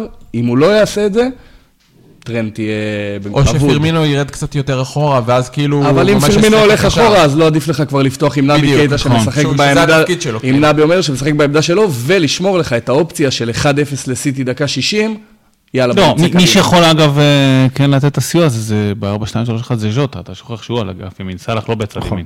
אתה אה, שוכח שהוא שם. אבל גם סאלח והוא, לא- כן, לא, לא, סאלח משחק ב-4, 2, 3, 1 אתה חלוץ חוד. למרות לא, שאני- אני מדבר כשסאלח ב-4-3-3, סאלח גם עוזר מאוד, זה לא שז'וטה... אני הייתי חושב כן. במערך הזה, במערך שאמרתי, שדווקא השחקני כנף לא כל כך יעזרו הגנתית. נכון שזה סיכון. ב-4-2-3-1? כן. שחקני כנף לא יעזרו הגנתית, אתה משחק עם פרמינו וסאלח, ושני הקשרים שלך זה הנדרסון ופביניו בלי חיפוי. כן, אז אה, כאילו, מה זאת אומרת לא אנחנו לא יעזרו נסיים- אנחנו הגנתית? נסיים 7-5, זה התוצאה יהיה. אני מקווה. אבל אה, אני- שאלה הכוונה שבע, חמש שלי, למי? לא יעזרו הגנתית, זה אומר שכאילו שהם לא ירדו ממש עם המגן עד לקו הגנה, אם נדבר על כנפיים כמובן, ממש עד הקו הגנה, הרעיון הוא, שאתה פותח במערך כזה, הוא קודם כל מחשבה התקפית. קודם כל לצאת למעברים ולתפוס את ה... את ה-rest defense של, של סיטי, שתמיד אה, אה, נמצאים אה, ביתרון של שחקן, אז להיות עליהם ביתרון של שחקן. ואז אתה יוצר 4 על 3 בכל מעבר. נכון שזה סיכון, אני עוד אבל פעם- אם אתה רוצה אני- לנצח- את המשחק, השאלה אם זה לא. יגרור את אה, ז'וטה ופירמנו אחורה מדי, ואז אתה מאבד את היתרון שדיברת עליו. אבל, אבל אני, אני כן רוצה רגע לסכם פה רגע את הדיון אה, פרי-גיים הזה שעשינו, אז בעצם הנקודות מפתח שאנחנו מדברים עליהן זה התמודדות של קו מול קו, אה, קו ימין של אה, ליברפול מול קו שמאל של סיטי, התמודדות במרכז המגרש, אנחנו כאילו קצת בעצמנו חלוקים פה, וכנראה שאם אם כל אחד מאיתנו היה מאמן את ליברפול מחר היה... היה. עולה אחרת. כן. אה, וגם קצת, אה, אני חושב שזו נקודה שהיא אה, השלכה של השלישייה במרכז שדיברנו עליה, או לא שלישייה, היא כאילו מי, איזה קבוצה תלחץ יותר טוב. אני מסכים איתכם שאף קבוצה לא יכולה ללחוץ 90 דקות, אבל די מדובר בשתי הקבוצות הלוחצות הכי טובות. משחקים אבל בין ליברפול לסיטי הרבה פעמים, לא יודע אם מוכרעים, אבל מאוד מאוד קריטי הרס דיפנס שלהם, ואנחנו נראה הרבה עשר דקות עכשיו של סיטי לוחצת וליברפול טיפה יותר קו מסודר, אחר כך סיטי, אני מאמין שיהיה לחץ מטורף לקראת סוף המשחק. בעצם השאלה היא ש- איך יתפתח המשחק, כי איך נכון. שיתפתח המשחק, אז אנחנו גם נראה קבוצות יותר כן, זה, לוחצות, קבוצות... זה עומד להיות משחק שמאוד חשוב גם לנהל את המשחק בצורה נכונה מבחינת לחץ, מבחינת מתי לנוח, לדעת איך לא להיגמר ולהגיע לסוף המשחק. טוב, אנחנו, נד... אנחנו נמשיך עוד לדבר הרבה מאוד על המשחק הזה אה, בפרק הבא, נדבר עליו אחרי, ש... אה, אחרי שהוא יקרה. אה, אנחנו רוצים לעבור אה, למשחק נוסף. הימורים? אה, הימורים תוצאות אולי על סיטי ליברפול? הימורים תוצאות. אה, אני, אני הולך אה, על משהו מפתיע, 0-0. 0-0. 0-0. אוי, איזה... כן. לא יודע מה אחר לנו. אני לא לא, רחוק- לא רחוק משם אגב, אני 1-0 סיטי. 1-0 סיטי, באנפילד. כן. מעניין. אני אלך לדעתי על 2-1 ליברפול. סוף. מותח. 2-1 ליברפול גם. יאללה. מעניין מאוד. טוב, אז בואו נחזור חזרה למחזור שלנו. 2-0. אוקיי. אוקיי, התקבל. התקבל, התקבל. חמי, אתה מקבל את זה? אה, זה נכנס ברגע האחרון, כן. תודה. אה, בוא נחזור רגע למחזור שלנו, היה אה, עוד אה, דרבי מאוד מעניין, אה, הדרבי של צפון לונדון אה, היה אתמול למעשה, אנחנו מקליטים ביום שני בצהריים. אה, ארסנל מול טוטנאם, אה, שתי קבוצות שאני חושב שבכל השנים האחרונות היו ב... אה, הייתה תחושה, בהתחלה ארסנל, בתחילת שנות האלפיים ארסנל הייתה דומיננטית וטוטנאם הייתה מאוד חלשה, לאט לאט זה מאוד השתנה. אמ, ופתאום זה הגיע לאיזה מקום אה, במשחק הזה, שבו אנחנו רואים, ארסנל התחילה מאוד מאכזב, אבל בשני המחזורים, שני המשחק, המחזורים הקודמים הצליחה להשיג את ה-1-0, אה, הצליחה זה, ופתאום הייתה איזו התפוצצות במחצית הראשונה אה, לארסנל, אה, ומעניין באמת לראות מה קרה שם, מה קרה שם מבחינת ארסנל, מבחינת טוטנאם. אז, אז אני אגיד לך שמבחינתי, אה, ארטטה כאילו מצא את הדבק שלו, הוא מצא את אה, אה, אודגרד, אה, ש... שבעצם הדביק לו את כל הסיפור הזה, את כל סיפור ההתקפה שלו. אודגרד בא לקבל כל הזמן כדור, גם אה, בהגנה, גם כשהם התחילו להניע בבילדאפ מאחורה, הוא בא מצד ימין שם בין מגן לבלם. אה, ו... ולקח את הכדור, הניע אותו, מאוד אהב להיכנס מצד ימין, להתחיל את ההתקפה מצד ימין, להיכנס לאמצע, וגם כשהכדור התגלגל קדימה, או כשהכדור, אה, אה, הנעת הכדור הניע אותו קדימה, הוא ידע תמיד לבוא ליד השחקן, לתת את הדאבל הקטן הזה, לקחת את הכדור, להעביר צד שני, זאת אומרת, הוא היה בהרבה מקומות במגרש שארסנל נזקקה לו, להניע את הכדור, אז זה בעיניי מפתח ראשון.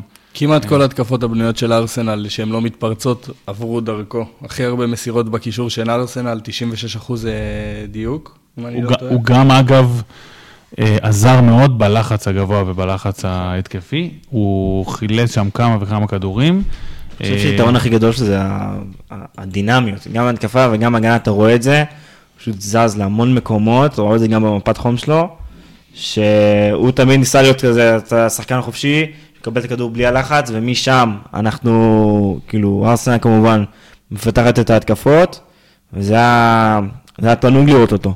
כן, אני חושב שכן. בכלל אה, יש של- שלושה, הם עלו עם שלושה שחקנים מאוד יצירתיים בקישור ההתקפי, גם עם סמית רו, גם עם סאקה וגם עם אודגור. בדיוק. אמ, רציתי לדבר על זה באמת במחשבה מאחורי הדרך לעלות הזאת. אה, ארסנל החליטה שהיא משחקת ב-4-2-3-1 הזה, אה, ארטטה החליט שהוא לא רוצה את אובמיאנג שותף להנעת כדור, אה, לפחות לי זה מאוד בלט. הוא רוצה את אובמיאנג שיעשה הרבה תנועה לקווים, ושמאחוריו יש שלושה שחקנים מהירים שיודעים לעשות את ההצטרפות, זאת אומרת ראינו גם את אה, סמית' רו וגם את בוקאיו סאקה כובשים מתוך הרחבה, מצטרפים הרבה, ומצד שני שלושתם יכולים ליצור המון מצבים לתנועה של אובמה הבלתי פוסקת ולבלבול של טוטנאם בהגנה. זה היה יפה, היה בזה הרבה מחשבה, שני קשרי מרכז שדה, צ'קה ותומאס פרטי חזקים מאוד, צריכים להחזיק את הקישור ביחד, יודעים למסור קדימה, ואז שלישיית קישור התקפית שביחד מסוגלת ליצור מצב אחד לשני בצורה כל כך מגוונת, וחלוץ מהיר שעושה תנועה מעולה לשטח, עם מוסרים כאלה, מחשבה יפה מאחורי המשחק הזה. מאוד מעניין. אני חושב בשער הראשון של ארסנל היה ממש אה, אפשר לראות את העמידה התקפית שלהם. אה, לפני הכדור השני של ג'קה, אתה, אתה רואה שהם מניעים שלישייה, אה, כאילו תומיאסו ושתי הבלמים, אגב, דש לקייל ווקר, שזה, שזה כמעט אותה תבנית כזה. נכון. וטירני ריווח בצד השני, סאקה וסמיטרו כזה היו בעמדות שלהם, וסמית' רו נכנס יותר לאמצע, ביחד עם אודגרד, ואז כאילו, אה, ואז נוצר כזה מין מרובע כזה של, אה, של קישור. גם סמית' רו, גם סמית' רו, אודגרד, פרטי וג'קה. ואז אתה יוצר תמיד יתרון של 4 על 3 במרכז אה, מגרש. הגולים, אגב, הראשון והשני, אומנם היו בהתקפות מתפרצות, אבל הם ניצלו את המרובע הזה, הם ניצלו את הרביעייה הזאת. נכון, בדיוק. נכנס פנימה, מה שאתה מדבר עליו, וגם אה, בגול השני. אני חושב שסמיטרו, אני חושב היתרון הכי גדול שלו זה שהוא קשר התקפי, שהוא סט לעמדה שהיא כאילו כנף, אבל היתרון זה שהוא פשוט נכנס פנימה. ואז פשוט אה, יש לך שתי קשרים התקפיים, גם אודגר וגם הוא, שיוצאים לך גם את היתרון האיכותי וגם את היתרון המספרי. נכון. בין הקישור להגנה של היריבה. סמיטרו בכלל נתן משחק, משחק מעולה. מדהים. ובכלל מעניין לראות, אה, כאילו ארסנל עכשיו, בלי שאנחנו שמים לב, עם של... כבר עם שלושה משחקים, אה, עם שלוש ניצחונות, שתי הניצחונות הקודמים היו קצת פחות מרשימים. שער נקי אבל בשלושתם. ב... לא, פה עכשיו הם ספגו בסוף. אה, נכון. הם... נגד... בסוף, כן, נכון, אבל נכון. בסוג של גרבג. נכון. אה, ובכלל מעניין לראות את ארסנל, אם ארסנל, אם ארטטה מצא בעצם את, ה... את הנוסחה שלו ברמה ההתקפית, מה שכן נראה שבאמת ההגנה של ארסנל, כמו שאתם אמרתם, היא הרבה יותר מאורגנת. כלומר, הוא הוא, הוא בעצם מצא במידה מסוימת את, את ההגנה שלו. נכון, אז לפני כמה שבועות ישבנו ודיברנו על אה, משחק של ארסנל, לדעתי זה היה אחרי הניצחון הראשון שלה, אה, נגד אה, נוריץ' 1-0. נוריץ', כן. תומיאסו שם פתח בהרכב פעם ראשונה, נראה שההגנה התחילה להתגבש, ודיברתי איתכם על זה שאני חושב שיש פה הזדמנות סוף סוף לארטטה ללכת עם 11-12 שחקנים, שהם השחקני הרכב שלו בפחות או יותר, שינוי לפה, שינוי לשם. אז באמת נראה שמתגבשת פה חמישיית הגנה קבועה, אה, שזה רמסדייל, השוער החדש, שהיה נראה טוב. אה, לדעתי היה נראה טוב מאוד. אה, טוב. גבריאל, ו... גבריאל ובן ווייט, שבן ווייט הרבה מדברים על המחיר, זה מצחיק, זה זה, הוא בלם טוב. הוא כן, בלם טוב, אני לא... את המחיר, אבל אני לא אגיד פה, אני לא עכשיו הבעלים, אבל לא אכפת לי מבחינת הכסף. מבחינת הבלם הוא משפר את ההגנה שלנו. כשאתה מסתכל על השווי העברה, אתה אומר, אוקיי, אולי זה יקר, אבל כשאתה מסתכל גם על שווי העברה וגם על החוזה וגם עצם העובדה שהוא בגיל די צעיר וגם משחק בנבחרת, אני חושב שזו לא עסקה יקרה, ואפילו נראה לי שבכלל המחירים באנגליה, יש כמו זה קצת בועת נדל"ן, אז זה קצת אה, קשה להתייחס לזה, אבל... אה, בטח לאנגלים. אני חושב שמה שעידו אמר נכון, בסוף זה לא משנה, הוא משפר את ההגנה.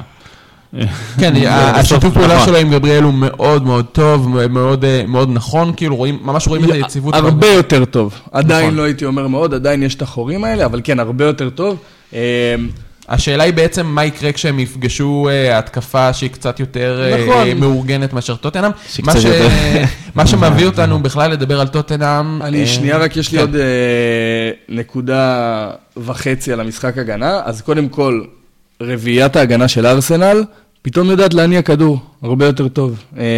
זאת אומרת, יש לה שני בלמים מאחורה שיודעים לשחק עם הכדור ברגל טיפה יותר טוב, בטח בן ווייט, ובאופן כללי, כל הנתונים של ההגנה היו נראים הרבה יותר טובים, אני מסתכל על זה, אז מאבקי אוויר 7 מ-6, 7 ניסיונות, 6 מוצלחים לשני הבלמים ביחד, אחוזי דיוק במסירה 95% לוואי, 92 לגבריאל, מאוד מאוד טובים, גם טימיאסו וטירני מאוד מאוד מאוד מעורבים במשחק. אה, כדורים ארוכים, שארסנל שיחקה באופן יחסי הרבה, 40 כדורים ארוכים היה לה במשחק הזה, 33 מדויקים. אה, בן ווייט עם 4 מ-3 וגבריאל ותומאס פרטי עם 3 מ-3. אה, זאת אומרת, מאוד מאוד מדויקים במסירות הרבה יותר, ובזכות תומיאסו, שיודע לשחק גם כבלם בשלישיית בלמים, היה פה גיוון, אני לא יודע אם שמתם לב לזה, אם דורון יצא לדבר על זה לפני. ארסנל כשהיא שיחקה מין רס דיפנס, שהיא שיחקה בקו בלוק מאוד מאוד נמוך הגנתית, אה, שיחקה במשך חמש דקות באזור הדקה 55, וגם לקראת סוף המשחק איזה כמה דקות, אה, חמש, ארבע, אחד, שסאקה עובר נכון, להיות מגן נכון. ימני, נכון. תומיאסו מצטרף לווייט וגבריאל כבלמים, וטירני מגן שמאלי, עם רביעיית קישור של אודגרד ו... וסמית' רו בקווים, אה, ואובמיאנג למעלה עושה את התנועה לכדורים ארוכים. נכון. היה נראה מעניין. יופי של אופציה לשילוב קצת ולהיות יכול... חזקות. זה, זה, זה היתרון בשחקנים הספציפיים הללו, שיש שם הרבה שיודעים לשחק בשתי עמדות. גם תומיאסו, גם סאקה וגם גם סמיטרו. יש לך לא מעט שחקנים שיודעים לשחק אה, בשתי עמדות, וזה נותן אה, לארטטה בעצם את האופציה. שתוך כדי משחק, כשהוא רואה אה, משהו לא עובד, אז הוא יכול להגיב. בדיוק, היכולת להגיב פה קריטית נכון. מאוד, וארטטה נראה שהוא מנסה לייצב. וכרגע... זה נכון, ומי שפחות יציב, אה, נראית לי טוטנאם. אה, כן, משהו שם, אה, קשה להגיד כאילו אם זה, אם זה המאמן, אם זה נונו, אם זה, אם זה אבל, אבל כאילו משהו שם פשוט נראה לא מאומן מספיק. לא מאומן זה בחירת מילים. הנושא של הלחץ שלהם, לדוגמה, הם ניסו ללחוץ את ארסנל. זה די מדהים. זה לחץ לא טוב. אין, אין, אין דרך אחרת לתאר אותו, השלישייה הקדמית יוצאת, ושלישיית הקישור לא יוצאת אחריה. שזה משאיר חור אה, די ברור שם אחרי, זאת אומרת, היא יוצאת, אבל באופן די פסיבי. יוצאת מאוחר, כאילו. די פסיבי ודי, אה, היא לא לוחצת מן טו מן, אה, והיא לא, אה, כל שחקן שם בקישור אה, של, אה, של ארסנל נלקח אישית. אז מה שזה גורם לזה זה פשוט שהשלישייה הקדמית יוצאת, די מהר עוברים אותה עם איזה כדור טיפה אה, למרכז הקישור. ואז השלישייה של אה, טוטנאם יוצאת אליהם, מה שבדיעבד משאיר בור אחריהם. וזה היה פשוט מדהים שזה קרה פעם אחרי פעם אחרי פעם אחרי פעם. שיש בור בין הקישור לבין ההגנה בעצם. בהתחלה לא, זה בין הקישור להתקפה, ואז כשזה עובר את הקו הזה, את המדרגה הזאתי, אז, אז, אז עוברים את זה בין הקישור להגנה, ואז נורא קל להיכנס. זה מאוד הרגיש כמו לחץ של ילדים טיפה, כאילו, כן, הרגיש, לא הרגיש מאוד מאוד לא מתואם, מאוד לא יחידה אחת. היתרון בלחץ זה לא בעצם שאי אפשר לעבור את הקו הראשון של הלחץ, ליברפול דוגמה עושים את זה טוב מאוד. הם לוחצים, ואז מגיע הקו השני, שכבר נמצא על כן, השחקן. שאליו רוצים למסור עם הגב, ושם אתה מצליח. טוטנאם, ברגע שהשחקן בקו הבא של ארסנל קיבל את הכדור, שחקן של טוטנאם אמר, יאללה חבר'ה, נו, אני ארוץ אליו. עכשיו אני, ככה, כן. בדיוק, וככה... עכשיו אין בעיה באמת, כמו שאמרת, אין בעיה עם אה, אה, ללחוץ לא מנטומן, כאילו, אין בעיה ללחוץ כאילו אזורי, נכון, נכון. אבל... התגובות חייבות להיות הרבה הרבה יותר כאילו מהירות, כאילו זה היה ממש בולט בשער השני. בדיוק. זה היה מאוד מאוד בולט, קודם כל אה, טנגנגה, אם אני המאמן, שמע, זה, זה היה פשוט אה, נורא ואיום. קודם כל, הוא איחר, שסמיטרוב קיבל את הכדור. כן, שני הגולים הראשונים לדעתי היו עליו, לא? ממש... אה, הגול הראשון קצת מרכז הגנה, כן, לא כן. בטוח שהמגן שצריך לבוא ולקחת אותו, אבל... הגול השני היה מאוד בולט שזה הוא. הגול השני כן, אתה שמת תשומת ליבי לזה אה, שהוא לא, לא חוזר עם השחקן שלו. קודם כל הוא איחר שסמיטרו קיבל את הכדור, ואז הוא מסר לטירני, שטירני מסר לו במיאנג, ואז אובמיאנג פשוט רץ על הקו, או שהוא מסר, אני לא זוכר בדיוק. בכל מקרה, דוויסון סנצ'ז אה, רץ לעמדה שלו, לעמדה שאיפה שמגן ימין אמור אה, להיות, ואז נוצר את החור הזה של הבלם ימין. ומי לא חזר פעם, לסגור? זה, זה הרבה מהחוסר אה, חוסר הבנה של מי צריך ללכת לאן ברגע ששחקן יוצא קדימה. נכון, גם, אבל היה פה טעות קריטית של שחקן שפשוט לא חזר לסגור את, ה, את הבלם שיצא במקומו. כן. וזה היה נורא ואיום, כאילו, כן, אגב, זה כזה נחרד. דיברנו על זה קצת, אבל... כאילו, אני צ'לסי, אני ראיתי את זה והייתי די שמח, אבל זה היה בסדר. בגול השלישי, לצורך העניין, אה, קורה דבר יחסית דומה, כדור ימינה לסאקה, ואז אה, הוא פורץ קדימה.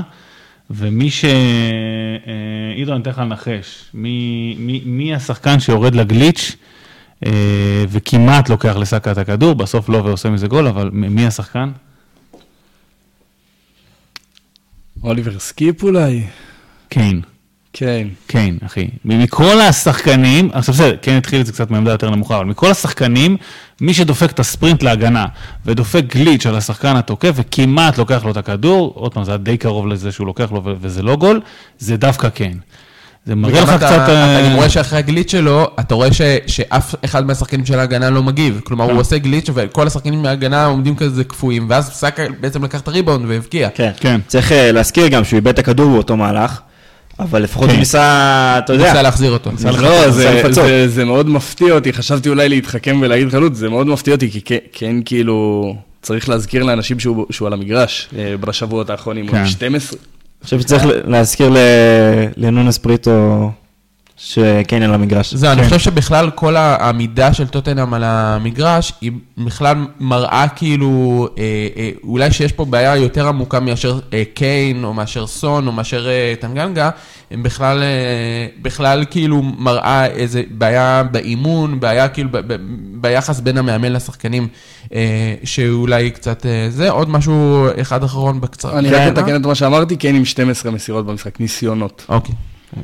משהו אחרון אה, על התרומה הכמעט שלא מרגישים אותה של טוטנאם ברמה ההתקפית. אה, קודם כל, אה, טוטנאם יש להם את מספר ההתקפות המסודרות פר משחק הכי נמוך בליגה. כלומר, הם בקושי בונים את ההתקפות שלהם. המון התקפות לא מסודרות, מתבססים המון מעברים שזה לא מצליח להם. ועם זה שיש להם את מספר ההתקפות המסודרות הכי נמוך בליגה, גם אחוזי ההצלחה שלהם הכי נמוך בליגה, רק 4 אחוזי הצלחה. מאוד מאוד מאוד נמוך, הכי נמוך בליגה. אה, דבר ממש אחרון קטן, כי אני יודע שאנחנו ממהרים, אה, רק רציתי להגיב על החילופים במחצית של אה, נונו. מעניין, אני דווקא כשראיתי את זה במחצית חשבתי שיש בזה הרבה היגיון, אני חושב שזה גם כן עזר, של אמרסון אה, לחפות עם שחקן טיפה יותר מהיר ופעיל על הקו על טנגנגה, ואוליבר סקיפ לנסות טיפה להחזיק את הקישור ולהצליח. מבחינת התגובה, אני בסך הכל אהבתי, היה בסדר. טוב, אנחנו אה, מתקדמים הלאה. אה, אה, זיו, אתה הסבת את תשומת ליבנו לזה שבעונה הזאת אה, יש הרבה מאוד אה, שערים במצבים נייחים.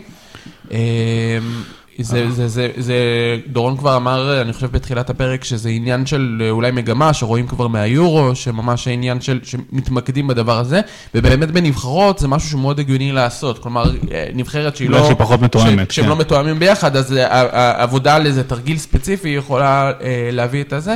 אה, למה זה בעצם קורה גם בקבוצות? תראה, אני חושב שמאמנים מחפשים לנצל כל uh, מה שיש להם כדי לעשות גולים. אני לא אספתי את הסטטיסטיקה המדויקת, אבל אנחנו רואים כל מחזור uh, שערים בין האחים, בין אם זה ליברפול לפני, אה, מול קריסטל לדעתי, פאלאס שלוש- פאלאס, שלושת השער- שלושת שלושת שלוש השערים אה, מקרנות. באותו מחזור צ'לסי נתנה שער אחד מקרן, יונייטד נתנה אחד מקרן. אה, השער של וילה במחזור הזה. שער של כן. וילה הוא מקרן, אה, מקרן, שער של. סיטי המחזור הזה מכ- התרגיל התרגיל של ברנטפורד בשער נכון, תרגיל של ברנפורד, שער של סיטי. אני לא חושב שצ'לסי גם אגב מול ליברפול, נכון? נכון, של שנתנו. אה, אז שוב, אני קצת אביא את הנתונים אולי לפעם הבאה, ואני לא סגור, אבל זה, זה המון שערים בנייחים. אני לא חושב שבכל מקום, בכל מחזור, אה, אתה רואה כל כך הרבה שערים בנייחים. זה בוודאות אומר שהאספקט הזה משתפר בקבוצות, שהם עובדים עליו. קצת אה, אומר דרשני על אה, גם אה, לעבוד על זה בהגנה ולא רק בהתקפה, אבל, אבל בסדר. לגמרי. בעיקר ליברפול. כן, ליברפול לא טובה בזה, ליברפול גם סופגת הרבה, אבל, אבל יש הרבה שערים. יונייטד דעתי כבר, כבר נתנו, כבשו, סליחה, שלושה שערים בנייחים. קיצור, אנחנו מדברים על נייחים, אנחנו מדברים- גם על ריבאונד מהנייח כן, ובעיטה. כן, אנחנו מדברים על קרנות, על בעיטות חופשיות אה, ועל ריבאונד, מה שנקרא second chance. והוצאות חוץ, שמזה יש קצת יותר מעט, אבל... מזה יש מעט, אבל עדיין יש המון. זה גם נחשב נייח. אז. אנחנו באמת נעקוב אחרי זה בהמשך. אה, בואו אה, ניתן בקיצור נמרץ מאוד את אה, המשחקים האחרים שהיו במחזור הזה. אז אה, יש עוד משחק אחד שעדיין לא קרה היום ב-10, אנחנו מקליטים את זה ביום שני בצהריים. היום ב-10 ברייטון יכולה לעלות אה, למקום הראשון, אם היא תנצח לנצח את קריסטל פלאס, גם קבוצה אה, מאוד מג'עג'עת, אה, הפסד 3-0, ניצחון 3-0. אה, רק תומר חמד היה נשאר שם. כן, איי, איי, איי, איי. או- וכיאל. וילה מנצחת 1-0 את יונייטד, שער של האוס, שוב פעם אמרנו מתרגיל קרן, ברונו מחמיץ פנדל בתוספת זמן, הוא לוקח ולא רונלדו, מעניין לראות את זה בהמשך. כן, דיברת על משחק שעוד לא קרה, יש פה כדור שעוד לא חזר לרצפה, כן. שברונו שם העיף. אה, טאוסנד אה, ודוקורי אה, כובשים לאברטון, מנצחים 2-0 את נוריץ', אני חושב כולנו מעריכים שנוריץ' תהיה הראשונה שתיפרד בשלום מהפרמר ליג העונה. ותעלה שנה הבאה, אה, כמיטב המסורת. אה, לידס עלתה ליתרון 1-0 מול וסטאם, אבל וסטאם הופכת את התוצאה עם שער עצמי ועוד שער של אנטוניו שלא מפסיק לכבוש. לסטר וברנלי עם 2-2, אה, ורדי עם שלושה שערים, אחד לשער שלו ושניים לשער של ברנלי. אה, ווטפורד וניוקאסל, אה, שתי קבוצות אה, יחסית מג'עג'עות בתחילת העונה עם תיקו אחת, וראול חימנז חוזר בגדול עם שער ניצחון מול סאוטהמפטון. אה, לפני שאנחנו אה, נגיד שלום, אה, זיו מלאכי מכין לנו סוג של הימורים. בדרך כלל, אתם יודעים, בדרך כלל בפודקאסטים בכדורגל יש הימורים לגבי השבוע הבא. הפעם זיו הכין לנו, מכין לנו משהו אחר, כמיטב המסורת של האנליסטים, הימורים על מה קרה... על נתונים, על נתונים בעצם ב- במחזור הזה. חייב להגיד, התחלתי איתכם קל. ואני חייב להגיד, חמי, אתה סופר נקודות, זאת אומרת, אנחנו סופרים פה נקודות. כן, אנחנו נספור לגמרי. אין פה, יש פה שאלה של מנצח, מי, מי, מי הולך להיות המנצח בעונה? אה, קל להגיד את זה כשאתה המנחה של המשחק. חד משמעית, חד משמעית, אבל אה, אתה יודע, רגע, זה ראש בראש אני ועידו? או- לא, גם חמי, גם גם כן. חמי, מה זאת אומרת? אני אמנם לא אנליסט, אבל אני יודע, אני... לא, זה נראה לי... בסוף גם אתה יכול לראות שרונלדו בועט אה, מאה פעם במשחק. אבל אתה- אתה הכי מקורב לזיו, זה מה שטוב. אז- יפה. נכון. אז אני אתן לכם, אני עוד פעם אומר, אני אתחיל איתכם קל. זה הפרק הראשון, ואנחנו מתחילים בקלות, אז אה, זה. אה, לא יודע אם ראיתם את כל משחקי המחזור, אבל אנחנו נתחיל עם מי בעט הכי הרבה פעמים לשער במחזור הזה. אה, ספוילר, זה דובר הרבה, בעיקר בגלל המסביב של זה, אבל שוט, קדימה. שוט תרתי משמע. חמי, מי בעט הכי הרבה לשער? כן, לא למסגרת, לשער. לשער. טוב, אני מניח שזה מהמשחקים שדיברנו עליהם. אה, אני... אה, זאת שאלה מאוד טובה. אה, אולי ג'זוס? הלאה. דורון, אני אומר אה, רונלדו. אוקיי. אני דווקא אלך על אה, אובמיאנג. רגע, אני רוצה לשנות. אתה עם השינויים זה- שלך? זה כאילו דפוס דפוס שחוזר על עצמו עכשיו בסיפור הוא הזה. מנסה להשיג יתרון הצתה, זה הצתה. אוקיי, עידו תן ודורון. עידו אמר אובמיאנג. אני אומר סאלח. אוקיי, אז התחלתי איתכם קל ואתם עדיין לא בכיוון. אה, אז אה, מייסון גרינווד. מייסון גרינווד, ש... כן, היה לו שם אם ראיתם את. המשחק, אה, לדעתי עשה שם איזשהו תרגיל במנהיגות לרונלדו, ולא מסר לאף אחד בשום צורה שהיא. אה, קיצור. הוא... הוא- משחק שאתה משתגע. עשה גם סאלח כזה, אבל כן. אה, הלאה, הבא בתור, אה, מי ביצעו הכי הרבה פעולות? מי ביצע הכי הרבה פעולות על המגרש במשחק? מי גם, אני אגיד בהתאמה, מקום ראשון. ושני, מקום ראשון ושני גם מסרו הכי הרבה במחזור הזה. קנסלו ואולי אחר כך רודרי? קנסלו ורודרי, הלאה. לא, קנסלו. קנסלו. בוא- בוא ניתן רק אנחנו מקום ראשון. כן, אנחנו. נאבד עם הספירת נקודות. אה, לפורט. טרנט. עידו, קנסלו. אחריו, אה, טרנט, דיברנו על זה תוך כדי אה, הפרק. מי מסר הכי הרבה מסירות מפתח? או, שאלה טובה. מדויקות? לא, מסירות מפתח. לי יש את זה. אני כמעט בטוח, אני אני אהיה האחרון. יאללה, חמי, נתחיל. דה בריינה. דורון. אבל גם אני חושב מאנה. כן, זה מאנה לדעתי. מענה, אוקיי. אוקיי, נראה לי שאנחנו עם שתי נקודות ראשונות על הלוח, נכון? אה, עידו היה אני- נקודה אני- לפני. עידו עם שתי נקודות, אה, נכון. דורון עם נקודה אחת. נכון, נכון. אה, טוב, הכנתי את הנתון הזה בלי שידעתי שעידו ידבר עליו, אז נקודה קלה לכולכם. מי עם הכי הרבה מאבקי אוויר? זאת אומרת, מי הקשיב לעידו בפוד? אני גם אגיד אחרון, נראה לי שזה הוגן, שלא יגנבו לי את כן. התשובה. כי חמי פה נראה לי מבולבל. אני מבולבל לגמרי. אה, מאבקי אוויר. טוב, אני לא, אני לא, אני לא בעניין עכשיו, אז אני... אני אגיד ג'וטה, אבל זה באמת, אה, זה באמת כאילו, לא, אין ג'וטה לי... לדעתי היה- כן, לא, לא, אין אין הלאה, פה... דורון, תתחיל אתה, תן, תן, דורון, תן, נכון? דורון, תתחיל. איוון טוני. איוון טוני, תודה רבה, זהו. איוון טוני, לדעתי, אם אתה, הוא לא יפתח משחק הבא, הממוצע של שני המשחקים עדיין יהיה הכי גבוה. אוקיי, אז ללא צל של ספק, 23 מאבקי אוויר לעומת 17 הבא בתור אחריו, וכולם אחריו ונדייק, בלמים, דרך אגב. מטיפ- מטיפ וונדייק. ונדייק ומטיפ, נכון. אה, זהו, עוד אחד ל... אחד אחרון אחד לסיום. אחרון, יאללה, שיהיה. אה, אז רגע, יש לי פה כמה, תנו לי רגע לחשוב על זה. תן לא. איזה אחד פיקנטי לסיום. זה לא מה שאני רוצה, סליחה רגע. אה, מי יצר הכי הרבה מצבים המחזור הזה? יצר מצבים, זה אומר שזה סיכן את השער? לא, לא, יצר מצבים. זאת אומרת, הוא התחיל אה, בעצם. זה בערך כמו המסירה שאם אסיסט, הכדור היה נכנס, היה בערך כמו. אסיסט, אבל רק שזה לא יסתיים הוא יכול. גם ליצור לעצמו. אז איך עם רמז קטן, זה לא מהמשחקים שדיברנו עליהם. בכלל. עכשיו זה אבל מעניין. זה ב- זה זה. שחקן בפרופיל גבוה, זו השאלה. אה, אתה יודע. הלאה, חבר'ה. אני אוקיי. אומר הרווי בארנס. אוקיי. ארווי בארנס של אסטר. אה, מעניין. וואו. אה, וואו, אני בבלקאוט. זרקו אה, שמות, חברים, זרקו שמות. בורסת ההימורים בשיאה, זרקו שמות. אני אלך על, אה, על אסמאעיל עשר אולי? שחקן לא מה? יודע למה עומד אה, לי. ווטקינס, לא יודע. אוקיי. סאן מקסימין. איזה וואו. שחקן. כן, שחקן שהתחיל את העונה בצורה מאוד מאוד טובה. קשה לעקוב אחרי מה קורה כשהוא משחק, אתה פשוט נהנה. כן. אוקיי, אז התוצאות שלנו לבינתיים אה, למחזור הזה, שלוש נקודות לעידו, שתי נקודות לדורון. אני כרגע מחכה לנקודה הראשונה, אולי במחזור הבא. אתה קצת יותר מקורב לזיו, ואתה ב... כן, אנחנו נקבל- לא, אנחנו עובדים על זה בתור תרגיל קבוע, כאילו כדי שלא ידעו שהוא מקבל את התשובות מראש, ואז אנחנו ואז, כאילו, אה, הוא פורץ. ואז עוד איזה חמישה מחזורים, פתאום אני... מוצא את עצמו כן. ב- כמו חגיגה בסנוקר, חגיגה בפוד. כן.